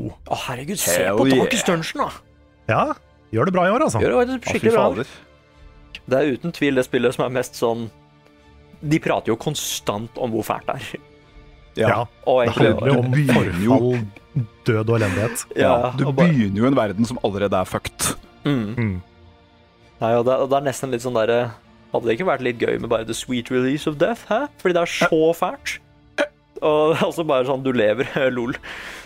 Jeg bare, bare liksom Ja. snakke i to minutter om hvor fælt det kommer til å være, liksom. Nei, og så er det bare den der Locrafton-horroren med, da. Altså, Ja. døden er overalt i den verden der. Han er det. Jeg lurer litt på sånn De som designer Darkest Dungeon 2 og Blasphemous og Alan Wake og sånn, Mm. lurer på hvordan de har det. Ja.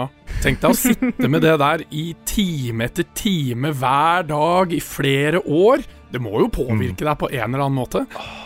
Det må er det. sånn huet mitt funker, vet du. Jeg, eh, jeg er sånn Det morbide og fæle, det er uten tvil det som fascinerer meg mest av kreativitet.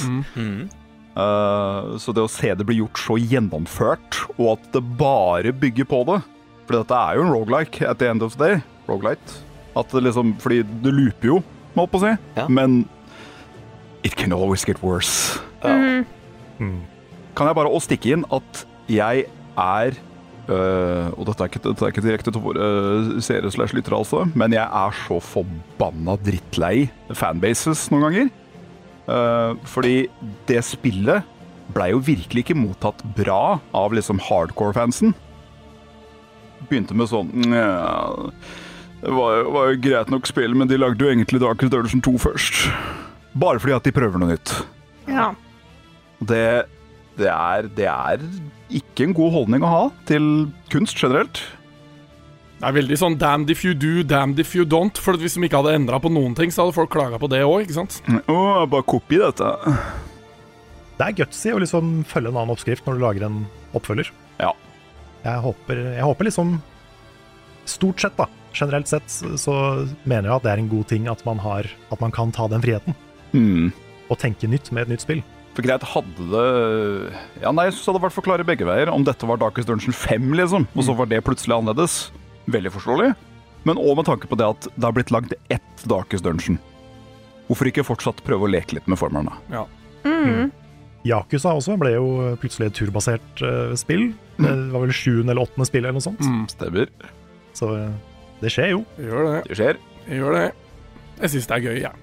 Det skikkelig koselige spillet Darkest Dungeon. Ja. Ja, Men nå har vi en helt ny kategori. det har vi. En splitter ny en, og den pass, det passa bra, fordi det, det var plutselig noe som gikk eh, mer i år også, for det var Årets undergrunn. Da står det mellom The Depths fra Tears of the Kingdom, The Underdark fra Baldur's Gate 3, The Dark Place fra Alan Wake 2 og The Umbral fra Lords of the Fallen. Mm. Og vinneren er da The Dark Place. Oh. Ja, Alan Wake 2. Ja, Uten tvil var det den noen mest tok den referansen, forresten. The Dark Place. Er det ingen som har Nei. sett den serien? Ah, Nei. Garth Marenghi's The Dark Place. Ah, den er kjempemorsom. Men ja, det var The Dark Place fra Alan Wake 2 som vant. Definitivt den mest abstrakte undergrunnen på lista. Ja. Absolutt. Hva er det, Ja, egentlig? hva er det? Det er litt sånn Kanskje litt til felles med Upside Down i Stranger Things. Ja, Ja, ish. Bare enda mer abstrakt. ja det, det, det det er det at man ikke helt vet nøyaktig hva det er, som gjør det så stilig.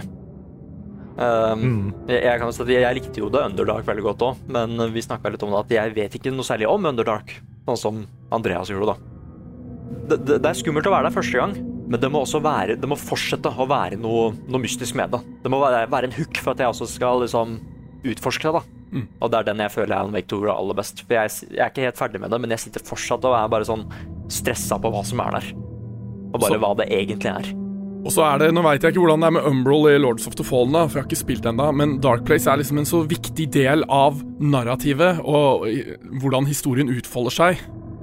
Eh, Det er liksom Det er hele spillet, på en måte. Og angående hele spillet, så har du jo The Depths fra Tears of the Kingdom, som er hele kartet. Ja. Mm. Ja, Sant. vi hadde, vi hadde jo litt, litt debatt her òg. Det var, eh, det var eh, tett mellom Dark Place og Depths. Og så er det òg Det ble jo eh, eh, kommentert at eh, The Depths ikke har like mye ting som skjer hele tiden. Det er sant. Det, er, det, det kunne vært enda litt mer som skjedde i The Depths. Selv om det skal sies at når jeg møtte på Frox for første gang, Ja. det var, det var et moment, ass. Å, fy fader. Og angående mer innhold, he-he, Segway, så eh, er neste kategori Årets DLC. Mm. Og de nominerte er Return to Castlevania i Dead Cells, Future Redeemed i Xenoblade Chronicles 3, Burning Shores i Horizon Forbidden West, Separate Ways i Resident Evil 4 og Phantom Liberty i Cyberpunk 2077. Og vinneren er Phantom Liberty. Phantom Liberty. Der var den. Å, det er så fortjent. Men jeg er litt, men, men jeg er litt sånn eh, Det er jo på en måte litt eh, Ikke akkurat juks heller, men jeg syns hva den representerer for Cyberpunk, også er veldig kult. Fordi det kom jo denne 2,0-patchen før DLC-en. Rett før. eh, som fiksa så mye i spillet og sånn. Så- Og jeg ser også på en måte som det en del av DLC-en, da. Eller expansion packen. Bare fiksa opp i alt og la til nye ting, og historien er dritbra, og den hjelper i hovedhistorien, og det er liksom Det er nesten et comeback, det òg. Ja, jeg har forstått det sånn at liksom Det er nå Cyberpunk er det ultimate Cyberpunk. Mm. Ja, For de endra jo på politisystemet og skill-trea, og det var, den DLC-en kom liksom med så mye ekstra i tillegg da, til bare en eh, kul og bra historie. Men det har vært eh, mye DLC-er nå, og du merker det de siste åra. Jeg vil òg si Future Redeemed, The Sunnyblade Chronicles 3, eh, var utrolig stilig, men jeg har ikke helt kommet meg gjennom det. Eh, Så det er dessverre litt synd. Det er mange ting som har skjedd dette året. Men eh, gøy Jeg syns alltid det er gøy når du har spill som kommer med ekstra innhold, som er ikke bare tydelig sånn Dette holdt vi igjen for å lage det en DLC. Det er en ekstra ting som tilfører me- mer. Typ sånn eh, Old Hunters i Bloodborne og Echoes of the Eye i Out Wilds og den type ting. Og også nevne at eh, Return to Castlevania i Dead Cells, Ja, herregud, ass. det er en av favorittstreamene jeg har hatt. Hvor jeg liksom faktisk klarte mitt første run på stream. Mm. Og det var en vanskelig siste boss. Det er respekt. Trodde jeg ikke jeg skulle, trodde jeg ikke jeg skulle klare, men det var gøy, ass. Da er vi på årets remake slash remaster. Ja. Og der har vi Dead Space, Resident Evil 4, Metroid Prime, System Shock og Super Mario RPG. Og vinneren er Resident Evil 4. Resident Evil. Åh, den perfekte remake.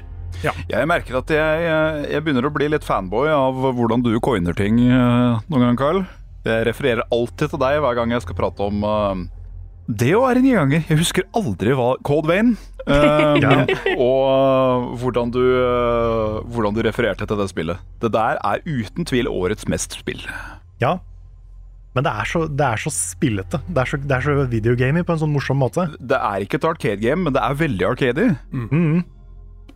Det derre eh, sparket til Leon og eh, Elsker det sparket, ass. Elsker det. Ja. Og bare det at du kan sette deg i en båt og bromme over vannet og finne et gullegg som du kan selge til en kjøpmann og det, det, er, det er så utrolig sånn Det er så spill. På en bra måte. Veldig spill. Det er så spill. Ja, det er så spill. Men dette er jo også en remake som på en måte virkelig bygger opp alt på nytt. Ja. For det, mange av de andre er liksom, det er det samme spillet, men i høyere oppløsning og litt nyere teksturer og grafikk og sånn. Men her så har de liksom helt nye gameplay-segmenter. De har en ny historie, eller den, den er fortalt på nytt. De har tatt remake til et eh, nytt nivå, da. Hvis ikke du teller med sånn som eh, Final Fantasy 7 Remake. Mm. De har lagd Resident Evil 4 hvis de skulle laga det i 2023. Ja. For jeg mener fortsatt det at eh, jeg tror det er kanskje det Resident Evil-spillet som trengte minst en remake. Fordi originalen var såpass gøy og arcade fra før. Men gud bedre og god jobb de gjorde allikevel, ja. Men i originalen kan du bevege deg mens du skyter. Nei. Det husker jeg ikke. Nei, det er en veldig bra forbedring. Ja. Du har vel ikke noe parry heller? Nei. Nei, og jeg mener, jeg mener at den kniven i Resident Evil-remaken er ræva i forhold til originalen. Fordi det å bare knivemilje gjennom hele Resident Evil 4, det er veldig gratifying som et challenge run. Veldig enkelt i VR-versjonen, forresten. Ja. ja Fordi herregud, jeg så VR-versjonen- denne her eh, John Wickinga di. Det er noe av det mest fornøyelige jeg har sett på en stund, altså. Ja. Jeg koser meg så fælt. Og, og du kan ha kniven i venstrehånda og pistolen i høyrehånda. Ja. Mm. Og, Oi. og det, det blir kanskje litt for lett, for at tingen er at i, i em, originalversjonen så er du veldig begrensa av hvor fort knivanimasjonen går. Ikke Ja. sant? Når du spiller VR-versjonen, så kan du bare stabbe sånn her fem ganger på ett sekund. Ikke sant? De gjorde vel noe lignende faktisk i eh, VR-en til original Resident Evil 4 òg. Mm. Bare steller du deg bak en dør, og så bare står du sånn og, og så er alt dødt. Men det er gøy. Å, det er så Det er gøy. veldig gøy. Jeg tror det er det eneste de tenkte på når de lagde Resident Evil 4. Originalen og remaken det er at dette skal være gøy spill. Mm. And they did. Ja, ja, ja. Jeg har lyst til å kommentere en ting, eh, fordi eh, det begynner jo å bli en liten stund siden, men i starten av året eh, så hadde en jo fått tre fantastisk gode remakes, eh, remasters, det, er altså eh, Metroid Prime, Resident Evil 4, Mm. Dead Space. Dette var jo et år der en snakka veldig mye om i starten at gud, dette er et år der det- de beste spillene er jo remakes. Eh, ingen visste jo hva vi hadde i vente resten av spillåret da, vir- eh, tror jeg. Men eh, det er jo et eh, Det er jo et interessant eh, tema, da. Er det eh, Hvor er Dette her med at det plutselig dukker opp veldig mange eh, remakes og remasters, det er jo dette her nostalgibiten, da. De Mm. appellerer til. Mm. Du har jo to ganske gamle spill her òg, som er System Shock og Super Mario RPG. Ja. Mm, mhm. Og det er, jeg syns det er ekstra kult når det er med sånne spill som er litt ekstra gamle, da. Som ikke Ja. alle har fått med seg. Ja, enig. Originale System Shock har jeg hørt har blitt sammenligna på som å prøve å spille et spill med en Casio-kalkulator, og det er jeg helt enig i. Ja, Det er arcade, det. Ja, det, det er vanskelig å spille hvis du ikke spilte originalen, så Ah. da skal du være spesielt interessert. Jeg, jeg syns kanskje folk hisser seg litt vel mye opp over den der remake-trenden. Ja. At, at liksom Jeg skjønner at man heller vil ha nye spill, Ja, og jeg ja. er enig i det, liksom, at jeg vil jo hel- helst ha nye spill. Men I hvert fall den balansen vi har hatt i år, da. Det, har, det har jo ikke vært for få gode nye spill. Nei, På men jeg ingen trodde måte. at det- alle remakes som kom samtidig. Tidlig på jeg, året. skj- jeg kan skjønne liksom akkurat den perioden. Mm. Samtidig så er det sånn, hvis de remakesa vi får er på nivå med da Resident Evil og Mario RPG og Dead Space, Mm. så er det litt greit òg, altså. Ja, jeg er enig. Aldri på bekostning av det nye, men når vi likevel får det nye, så syns jeg det bare er kult. Gi meg en Mm. sånn remake av Sonic Adventure 2 Battle. Yes, takk. For det kan hende det kommer, altså. vet du. Ja, du vet aldri.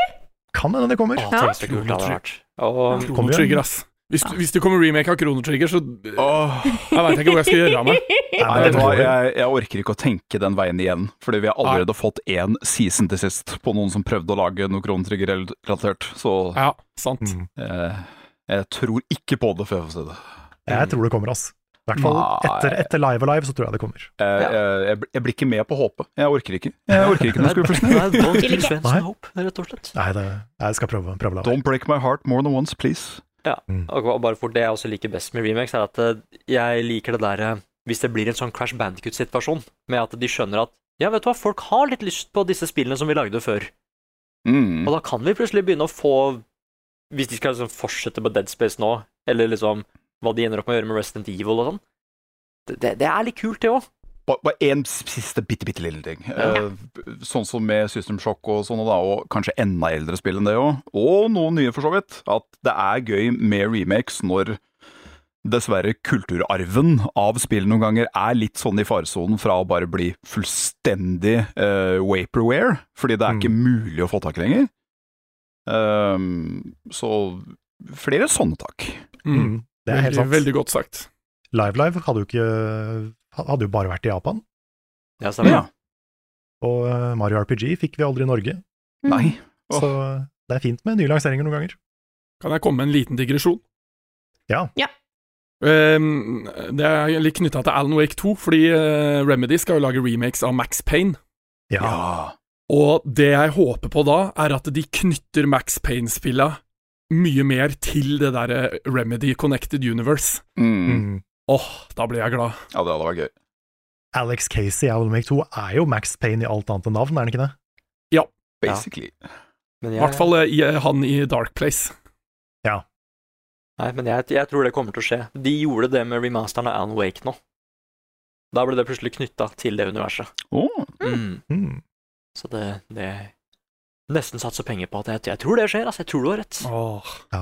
Jeg håper liksom de får tilbake lisensen til alle spillene sine, for nå er det vel Microsoft som eier Quantum Break, og Rockstar som eier Max Payne, Stemmer. Ok. så det er Mm. sikkert litt av problemet. Men det er Remedy som lager remaken av Max Payne, så de må jo Mm. på en måte Ja. Hm. Ja, Men det er sant, det. Max Payne 3 er Rockstar, det. Da er det på tide med årets norske, og det er Tesla Grad 2, Icone, Icone, Ikonek. Island Mm. Mhm. og Savant Ascent Remix. Og vinneren er Tesla Grad. Tesla Grad 2. Ja. En eh, nydelig oppfølger til en eh, ordentlig norsk eh, klassiker, vil jeg si, av et plattformspill. Mm. Tesla Grad 2 eh, var det jeg som anmeldte, og ble veldig glad i det spillet, altså. Jeg syns eh, Rain Games er utrolig god på kule mechanics i puzzlespill. Puzzle-plattformer. Og da bruker magnetisme, eh, liksom nord- og sørpol og sånne ting, det, det er en så fin intuitiv mekanikk som bare f- funker knallbra. Eh, så det er veldig gøy å se eh, eh, se noe nytt fra Rain Games som bare er knallbra. Det er, jeg, jeg koste meg masse. Kule bosser. Han der er Strømelgen eh, og med litt sånn norske Norske røtter da i dette spillet. Så Det er det er bra. Mm, veldig, veldig kult. Og veldig pent. Og veldig pent. Mm. Nå har vi vært eh, veldig glade for veldig mange ting, Ja. og nå skal vi være litt mindre glade i ting, Åh. for nå går vi til årets skuffelse. Ja. Og her eh, har vi også diskutert litt på forhånd. Eh, Vi hadde jo spillindustrien som arbeidsplass som en eh, nominert, men det var litt sånn Det ble litt for åpenbart, Ja. ja. fordi det har vært, eh, det har vært et kjipt år for spillutviklere i år. Det har det, dessverre. Dårlige arbeidsforhold, mye crunch, masse, masse oppsigelser, alt mulig dritt. Det er så Mm. trist. Og så rart at vi har det samme året som vi har så mye sjukt bra spill. Ja. Det er liksom litt sånn Juxtaposition. Sånn Ja, det er så bakvendt. Ja. Utrolig bakvendt og trist å høre når, eh, når de leverer så bra som de gjør. Men vi har eh, kommet fram til noen nominerte. Men da Vi kan jo si at hovedprisen går jo til det at det, at det suger såpass mye å være spillutvikler. Mm. Ja. Det er jo litt sånn overbyggende. eh, Den Mm. største skuffelsen i år. Men de nominerte er Unity, måten de basically backstabba alle som bruker Unity-spillmotoren til å Fy, lage det spill. var møkkete, altså. Selv om de gikk tilbake på det. Ja, skaden var allerede gjort. Det blir vanskelig å stole på de når de holder på sånn. Mm. Hva var det de tenkte på? Ja, hva var det de tenkte på? Penger, Lommeboka. penger, penger, penger, penger, penger, penger, penger, Ja, det penger, var penger. det. Eh, Og så tingen som Christopher Judge gjorde narr av på Game Awards. Campaignen til Call of Duty Modern Warfare 3. Ja, men vet du hva rightfully so, ass. Det- Ja. Redfall. Forspoken. Diablo 4 sesong 1. Og markerte i gult i dokumentet ansiktet til Peter Parker. Åh, Og til slutt The Day Before. Die before. Og vinneren slash taperen Hmm. Redfall. Ja. Ja. Ja. Snakk om skuffelse, altså. For det, dette er vel det spillet på lista som hadde den største fallhøyden, eh, på en måte. Mm. ja, vi kunne liksom lukte at eh, Forspoken ikke kom til å bli så bra. Vi kunne lukte at The Day Before i hvert fall ikke kom til å bli så bra. Ja, det Kunne stilte lukte lang på vei. flere mil. Ja, ja hadde skifta ikke ansiktet til Speedy etter et par Spiderman, liksom. Så det var, Mhm. vi gjorde ikke det. Det var ikke første gang du ble skuffa. det var ikke det, ass. Men Redfall var liksom en sånn uforventa skuffelse. Ja. Mm. Ja. Arcane, liksom. Jeg må, jeg må tydeligvis bare slutte å tro på eh, multiplayer-utgivelser. For forrige gang jeg trodde på en sånn en, det var Anthem. Ja. Ja. Oi. Ja, så det Ja, er den din er- skyld. Den er mulig enda verre, faktisk. Wow. Ja, det. Går så Nei, det langt. er, eh, det er så mange nå som prøver seg på Games as a Service, som skal være det nye sånn aktive multiplayer-spillet. Og det er så mange som feiler. Mm. Kanskje det er fordi at en skal bare slutte med Games as a Service? Det er jo, eh, det virker som det snur litt nå. Ja. Sony har kansellert en drøss av de. Folk begynner å bli lei. Ja, Ja. Og så er det vanskelig å ha mange Games as a Service samtidig. Ja. du må på en måte bare ha ett. Ja, du må velge deg ett eller to, maks. Det er litt det samme som Gud, nå, nå trekker vi linje her. Det er litt sånn som streamingtjenester. Det funka veldig greit når du hadde Netflix. Men jeg kan jo ikke ha alle. Nei. Nei. Nei, nei, nei, nei. Alle kan ikke ha en streamingtjeneste. Da Nei, altså- er du nei. tilbake Nei, så- igjen til cable-greiene. Mm. Mm. Samme med streaming på Twitch òg. Det er liksom, det er på Twitch, og kanskje på YouTube. Når du prøver å, når du prøver å introdusere Mixer, så går det ikke så bra. Nei.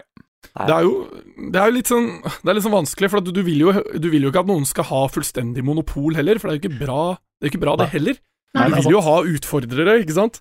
Så Mm. hva, hva er løsninga, på en måte? Nei, det er ikke lett. Det er ikke godt å si. Nei. Nei, og det, det var så trist, fordi i ettertid så var det jo mange som hadde sagt det at eh, de hadde ikke egentlig lyst til å fortsette med det, men så ble de kjøpt opp av Microsoft og sånn òg. Så de var litt fanga i å lage det, Mm. og det er jo veldig trist at det var tilfellet. Fordi jeg hadde jo litt sånn, jeg var litt skeptisk på det fordi jeg liker, jeg liker, jeg liker singleplayer-delen av Arcane-spillene best, så jeg visste ikke helt åssen det skulle funke til multiplayer, men det var liksom Det var fortsatt et veldig kult potensial der. Mm. Mm. Altså, Had- Hadde dere Sorry. nei, altså, jeg skulle bare si at nei, så kra- krasja det fullstendig. Var det.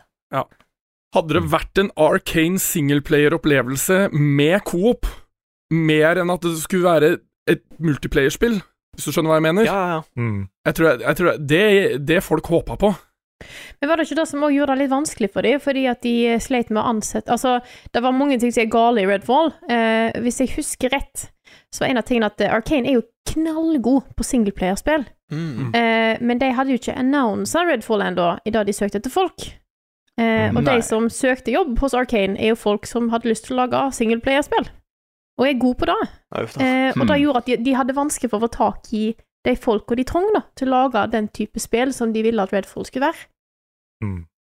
Sånn apropos det, spent på Suicide Squad. Ja. Jeg er veldig spent på Suicide Squad. Jeg håper jo det blir bra. ja, jeg håper det. det, det ser ut som et spill som kunne vært ganske morsomt å streame, men eh, uh, Never know. For det er jo, man kan jo tenke det er jo Rocksteady. Rocksteady lager jo kvalitet, men det gjør jo Arcane òg, så det er Ja, det er akkurat det. Det er litt samme situasjon, mm. Ja. så det blir spennende. Kan hende det blir kjempebra. Skal ikke, skal ikke avskrive de. Nei, nei. Angående kjempebra, skal vi gå videre til neste kategori? Ja, nå er vi snart gjennom, altså. Ja, for det er meg, og det er da årets regi. Bare for å være helt sikker, mener vi da filmmessig regi, eller bare åssen spillet er bygd opp? Nei, regi også er litt vanskelig å definere, Ja. Mm. men, men det er jo på en måte spilldesign, men også kanskje litt sånn ja, hvordan, hvordan det er presentert. Ja, presentasjonen. Ja, det var det. Ja, for jeg tenker litt sånn eh, God of War, eh, én kameravinkel. Det er kul regi. Mm. Mm. Og da har vi Alan Wake 2, Cyberpunk eh, Phantom Liberty, Final Fantasy 16 og Spiderman 2. Og vinneren er da Alan Wake 2. Og, da, og vet du hva? Den er, litt- det er litt juks, da, fordi de driver og mikser og bæsjer på historien hele tida, ikke sant? Men kanskje det da er det mest regiete spillet. ja, for det er så unikt, ikke sant? Ja. Det er det. Det, er, det er ingen som lager spill sånn som Remedy lager spill. Det er ingen som bruker film og live action på den måten som Remedy gjør. Det er ingen som bare plopper en hel musikal inn i spillet sitt på den måten. De som nå er litt sure for at ikke Herald of Darkness vant årets låt, Ja. så er det her Herald of Darkness kommer inn. Fordi fucking hell, det er kul regi, ass. Å putte inn den midt i spillet. Det er så kult, det. Det er så kult. Det er det. Og det er jo liksom i et spill som egentlig er skummelt og dystert også, ikke sant? Så kommer liksom den eh, sekvensen eh, ut fra ingen steder, og det er eh, Ja, Åh, jeg koste åh, jeg koste meg med den delen. Pluss at det liksom spillet blir jo på en måte både skrevet og regissert mens du spiller. Mm, det er sant. Og Sven der. Det er jo veldig Det er en blanding av ehm, David Lynch og Stephen King, vil jeg si. Ikke at Stephen King er regissør, men eh, ja. David King.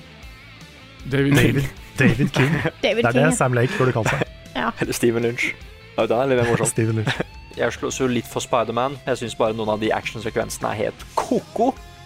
At de kan rendre en hel by, liksom. Måten de gjør det på, og at de fortsatt får det inn i noen fightscener der, er helt eh, Det er kanskje det mest trippel A-spillet jeg har spilt. Ja, det er så absurd. Det er det det er. Eh, Men også, klart, da, vi snakker om absurd. Final Fantasy er jo helt eh, Ja, ja. ko-ko, det også. Beste regien i hele serien. Ua uavhengig av historien og uavhengig av alt det andre, syns jeg sjølve regien er Ja. på topp. Mm. Kameravinkler og, og hvordan hele greia er lagt opp, er eh, Det er jeg helt enig i. Og bare, og si- siden vi kan snakke om det nå, og bare måten Cyberpunk forteller hele historien på første person. Mm. Det Ja, også er veldig kult. og at det ikke låser seg til filmsekvenser så ofte, men at det faktisk eh, dialogscener og sånn er at folk går rundt, plukker opp ting, setter seg ned, lener seg inntil veggen mens de snakker og sånn. Det gi- gir det det lille ekstra som gjør det desto mer troverdig. Og det er cool. Det er veldig cool. Veldig cool. Ja. Good shit, rett og slett. Det er det good shit. Det er de good shit. Det der blir aldri gammelt. Nei, jeg blir ikke det. Får det på en TV. Ja. Vi går videre til neste kategori, som er årets bossfight. Åh. Og der har vi Bahamut fra Final Fantasy 16, Ganondorf fra Tears of the Kingdom, Baltius fra Or- Armored Core 4, Nameless Puppet fra Lies of P, The Lizard fra Spiderman 2, antar jeg. Jeg glemte å skrive ut, og ja, sorry. Ja. Det var fint. Labyrinth Sentinel fra Remnant 2, Nøkken fra Bramble, og Groovy Longlegs, altså den her diskokule-edderkoppen, fra Pikmin 4. Og vinneren her er Bahamut fra Finals Fantasy 16. Ja, Og det, før vi, eh, før vi sier det, så vil jeg også, vi har en ekstra nominert her, som ikke jeg, vi, kan ha, vi har ikke nominert den per def, for det er litt vanskelig. Men eh, her er jo nok en gang ting som står i kursiv. Eh, for det er en boss i, fin, eh, i Phantom Liberty som Rune ville eh, snakke om. ja. Å, kan, kan Eh. du si hva det står der? I Rune sitt språk, liksom. Eh, den mulige siste bossen i Phantom Liberty, hvis du velger noe greier. Holy shit, den er bra. Det var veldig Rune gjorde, var det ikke det? Det, det var det. Der Ja, var det. han, ville, han ville bare fortelle om den. Ja. Ja. Han ville bare fortelle om det. Vinneren er jo da Bahamut fra Final Fantasy 16. Ja. Go! Åh, for, for en fight! Å, for en Den fight! Den, øda resten av spillet. den, den gjorde Ja, det. ja spillet piker med den fighten. Den er altså så kul på alle mulige måter. Vi har jo allerede diskutert hvor bra musikken er, og det er jo en veldig stor del av det. Men det visuelle er ikke Det er ikke noe å kimse av det heller, for å si det sånn. Nei, og det er også noe med at eh, man kan ikke si at spillet har holdt tilbake fram til da, for det har vært ganske spektakulært og stort tidligere også. Mm. Men når du kommer dit, og du liksom går fra et spill som, i hvert fall i Final Fantasy Scope, har vært litt mer tilbakeholdent, litt mer, litt mer nede på bakken, bokstavelig talt, og så har du en fuckings dragonfight in space, altså. Ja. Ja. Og det er, jeg tror jeg aldri har sett noe så, an så anime. Jeg har aldri sett noe så Bayonetta i et spill som ikke er Bayonetta. Nei, helt sånn. sant. Nei, altså, ass. med, med, med bare den Triple A-produksjonen slappa opp og alt det der igjen, og det er, er så spektakulært. Ja, jeg kan se pengene bare fyke ut. Ja, jeg tror, tror halve budsjettet gikk til den fighten, altså. Ja, det er, og, og for ikke snakke om alt, alle de emosjonelle stakesa på det punktet i spillet, som, som gjør det liksom ekstra bra, da. Ekstra impactful. Alt er bare riktig med den fighten der. Jeg er helt Det er enig. det. Han som, han som er Bahamut, er også en utrolig kul karakter i spillet. Absolutt. Så, eh, Jeg syns faktisk han er en av de kuleste. Hvorfor har vi ikke han på birolle? Nei, det, når du sier det, det burde vi hatt. Ja, nei, jeg har jo gjenspilt den eh, Du kan jo spille, spille bossfighter på nytt etter at du har runda det, og jeg har spilt den i hvert fall ti ganger. Og før vi går til neste pris, så må jeg bare annonsere at vi har en, eh, vi har en update. Ok. ja, jeg så det. Jeg refresher den nå, Mm. og du skal få lov å lese den opp, Andreas, men eh, jeg skal bare gjøre sånn. Da har vi kommet til publikumsprisen. Mm. Wow. Og det er, eh, så vidt jeg har forstått, var det ekstremt tett, veldig lenge, mellom to spill. Det var helt likt veldig lenge, faktisk. Ja. Oi. Det er så, så this Helt just in, så å si. Mhm. Ja. Mhm. Faktisk. Wow. Men til slutt så var det Baldur's Gate 3 Wow. som stakk av med seieren. Med ei stemme! Med én stemme! En stemme. Wow. Yes. Det var én stemme over Tears of the Kingdom. Å, jeg lurer på hvem det var. Kan vi finne ut det? Det kan vi. Eh, fordi at det er Da caller vi ut folk, da. Eh, Nei, ja, ja, på- det, det er sant. Men hvis det er mulig for oss å vite det er ikke sikkert det kommer i rekkefølge. Å, Tenk hvis det var en av oss. Det hadde vært så morsomt. Ja. Ja, for nå Ja. begynte jeg å tenke liksom, Har jeg som level up gått inn og stemt? Men det har jeg ikke gjort. Nei. Nei, det tror jeg ikke. Men det, men det som er tingen, da, er at vi har eh, fått inn 204 stemmer totalt. Eh, og det er nå en tredjedel eh, 33 har gått til Boulder Skate 3, og 32 gikk til Tears of the Kingdom. Wow. Wow. Og det Men er, det er- ingen andre som har mer enn 4 ser det ut som. Oi. Jo, Alan Wake 2 har 5. Ok. Ja. Hey. Så det er to klare vinnere i vårt publikum. Eh, der den ene var litt mer klar enn den andre. Ja. Hmm. Det er jo- Mitchell klar, liksom. Men det er bare fordi noen gikk inn og stemte rett før vi faktisk kom til siste poll for før i dag, så var det helt, helt likt. Ikke Baldur's verst. Gate vant mens vi satt her og spilte inn. Ja. Fy fader. Wow. Fy Tenk hvis det faen. var en av oss som ba en patron bare Ja, s- s- s- stemmer det. Bare shadowdroppa. Ja. Noen som har eh, bedt kompisen eller kjæresten om å gå inn og stemme. Ja. Jørgen, takk! Veldig fortjent. Og veldig fortjent at Tears of the Kingdom er én stemme unna, altså. Ja. Mm. Helt klart. Det sier noe om spillåret i år, tror jeg. Det gjør det. Begge de to Hå? er the good shit. Å ja, det var det du skulle Ja, Ja, det er du da. Det er helt sant. Og apropos the good shit, Mhm. så skal vi til årets spill 2023. Wow, the goodest. kåret av Level Up. Og nå kan vi lese opp én nominert hver, tenker jeg. Ja, ja, ok. det er koselig. Hvis du vil begynne, Nick. Eh, skal vi se. Det første er da Cyberpunk, Phantom Liberty, The Legend of Zelda, Tears of the Kingdom. Baldur's Gate 3. Alan Wake 2. Spiderman 2. Kukun Kuken. Ja, ja, Kukun. Og Armored Core 4. Og vinneren er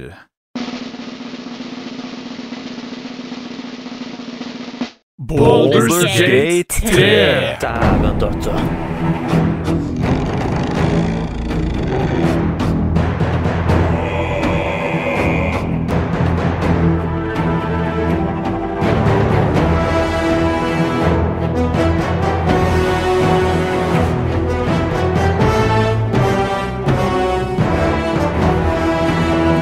satt den som kjerringa på julegrisen, tenker jeg. Ja, Eh. det, det, var, det var det jeg sa òg, faktisk. Eh, Ja, ja, ja. Det er i hvert fall det Jeg vi sier alltid alltid har det. sagt i min familie, så jeg går for den. Men det har liksom Yes. bare Det har tatt over spilleåret på en helt annen måte, ass. Det har det. Og det har vært litt interessant å se det òg, fordi i sommer så var det ikke noe tvil om hva som skulle vinne. Nei. Det var liksom enstemt nesten overalt at Mm. eh, Tears of the Kingdom er årets spill. Men så har liksom den, den offentlige samtalen bare sånn gradvis skifta mer og mer etter at Baldur's Gate kom ut. Flere og flere har oppdaga hvor bra det spillet er, og hvor bra det blir etter hvert. Og så har det liksom så vidt bare innsja seg over, og tatt over. Det er kult å se, ass. Det er veldig kult. Og det, det jeg syns er så kult, er at, eh, som jeg s- nevnte litt i stad, at CRPG har jo blitt en Det har blitt en liten nisjesjanger med åra. Og det her har jo tatt av kommersielt så bare rakkeren. Og Det, et, Larian selv tror jeg ikke forutså at det kom til å bli så massivt. Det er ingen som egentlig klarte å forutse at det ble så massivt. Nei, Xbox gadd gadd jo ikke å legge ut for å få det på GamePass engang. Det var sånn, dette er bare noe for, eh, Stemmer det? Ja. for rare nerds, liksom. Det er ikke noe vits at vi satser på det her. Tullekopper. Ja. Ja, det, er, det er altså bare så alt rundt Baldur's Gate, og da mener jeg alt rundt, ikke bare sjølve spillet i seg sjøl, som helt klart fortjener prisen bare som sin egen greie, men det er bare den store solskinnshistoria, hele dette greiene her. Jeg blir varm. Jeg blir varm på Jeg blir innsida. Mm. veldig varm, og du har sagt til meg før, eh, Viking, at eh, Larian er nok uten tvil nå en av dine liksom, aller topp, topp, topp eh, game developers der ute. Ja, ja. Samme Romsoft og hele pakka. Og det Jeg er der sjøl, altså. For Ja. dette er bare folk som vil lage noe kult. De har passion for faget, de har passion for spill, alt. De vil bare lage noe som vi kanskje kan nyte like mye som de nøyt å lage det. Og Mm. det har de jaggu meg fått til. er Mm. et morsomt tit- sitat fra Sven Winke i ehm, enten Divinity 1 eller 2-dokumentaren, Ja. hvor han blir spurt hva er liksom målet, og han eh, sier I just want to make the RPG that dwarfs them all. Wow. Mm. And he did. they And he did. ass. For jeg, jeg syns det er så gøy at de har tatt tilbake den sjangeren.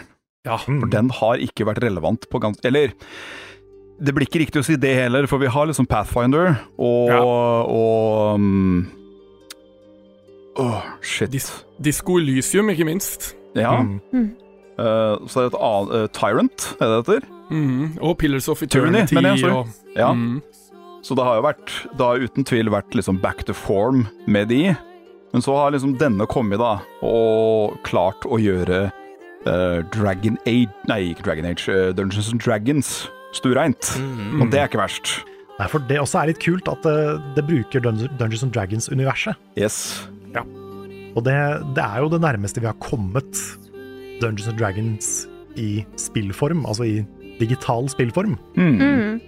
Og det er ikke lett å få til, ass. Nei. Men Den følger jo til og med regelboka til RS6 Edition. Femte.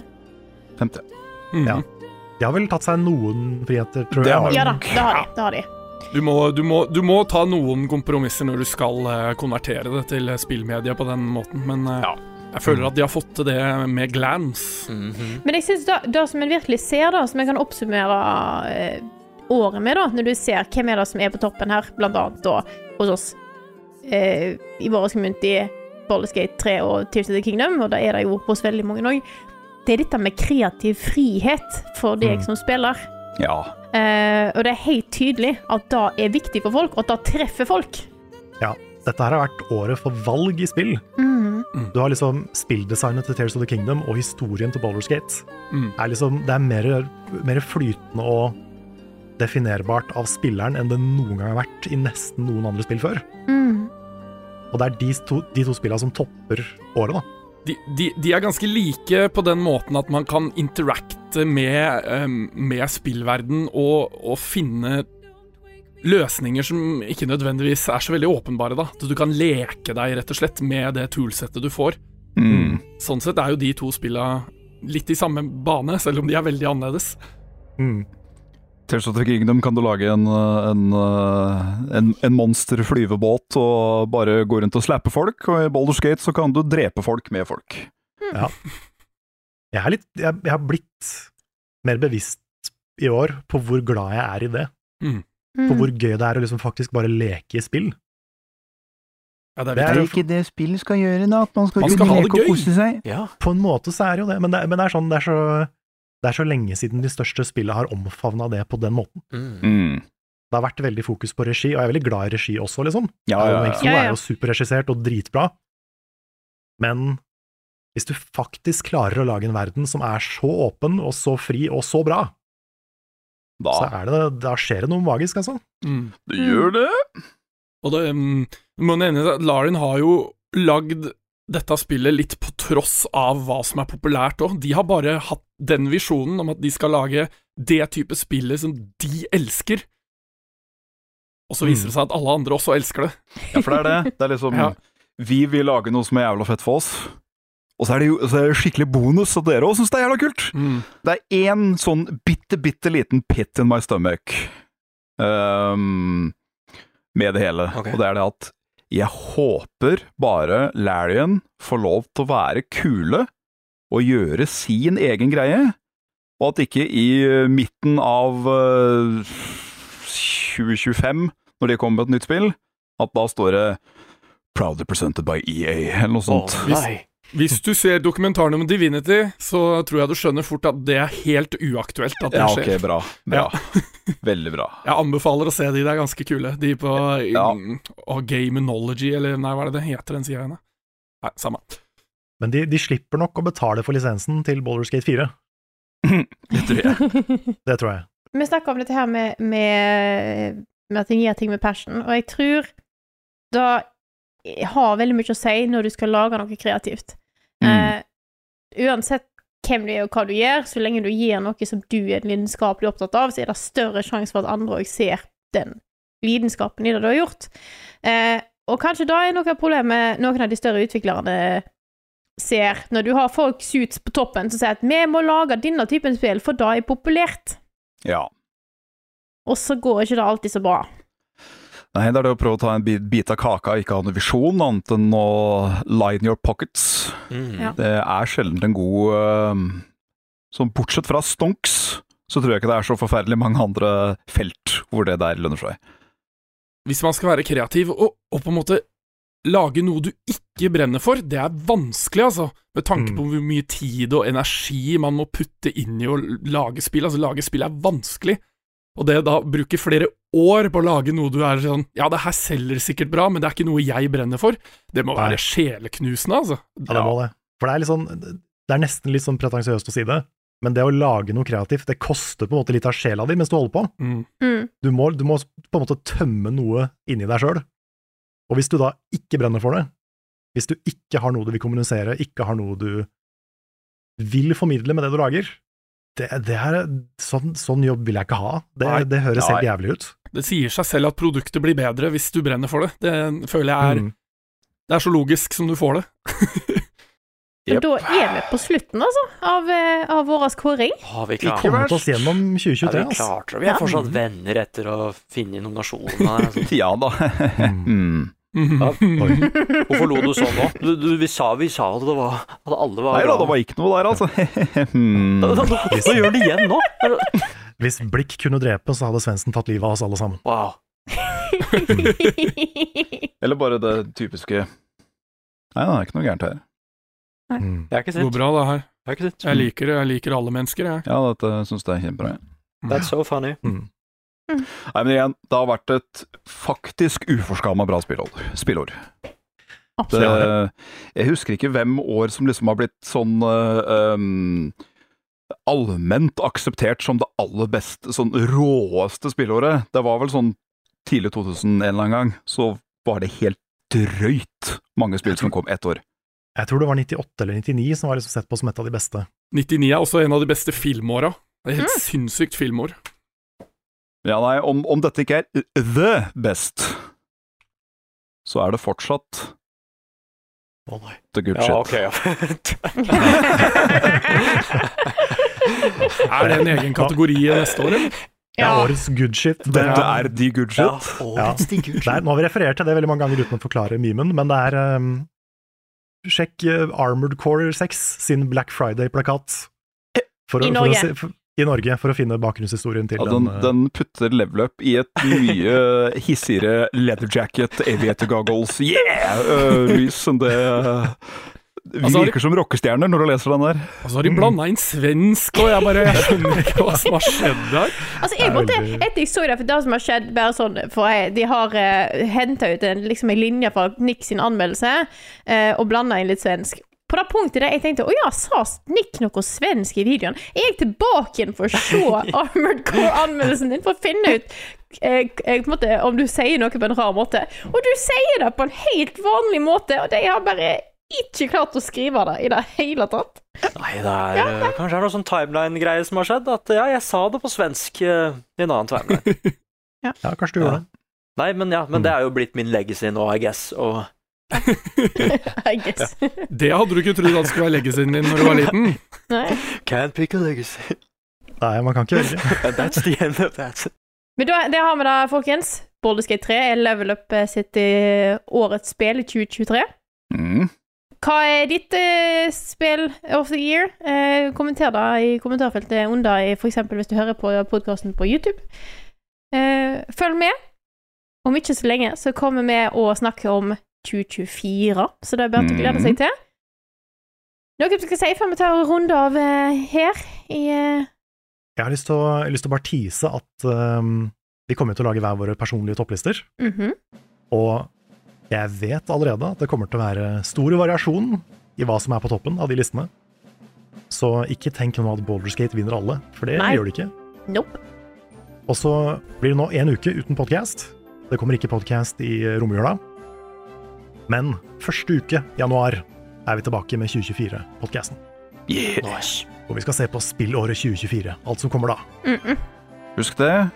Selv med, de, eh, med, med denne, denne her, og med våre individuelle fremover dette er, dette er bare vår mening. Om øh, noen spill vi syns du var teite, er ditt absolutt game of the year. Two thumbs up. Jopp. Folk er forskjellige, og det er bra. Ja. Yes. Og spill er bra. Spill er bra. Ja, og Jeg liker ofte så er spill. det, altså. Viktigste er å dele spillglede. Ikke Mhm. rakke ned på andre fordi de liker noe annet enn deg. Det er bare Ja, dumt. jeg liker spill. Og kanskje er det noen spill vi har snakket om i dag som du ikke har rukket spilt, og kanskje du tar og kikker litt på deg i løpet av eh, romjula. Kan du ikke gjøre det? Ja. Så eh, kanskje vi skal runde av nå og si eh, god jul, folkens. Og vi God jul. gleder oss eh, masse. Gleder oss masse til 2024. Mer bra spill.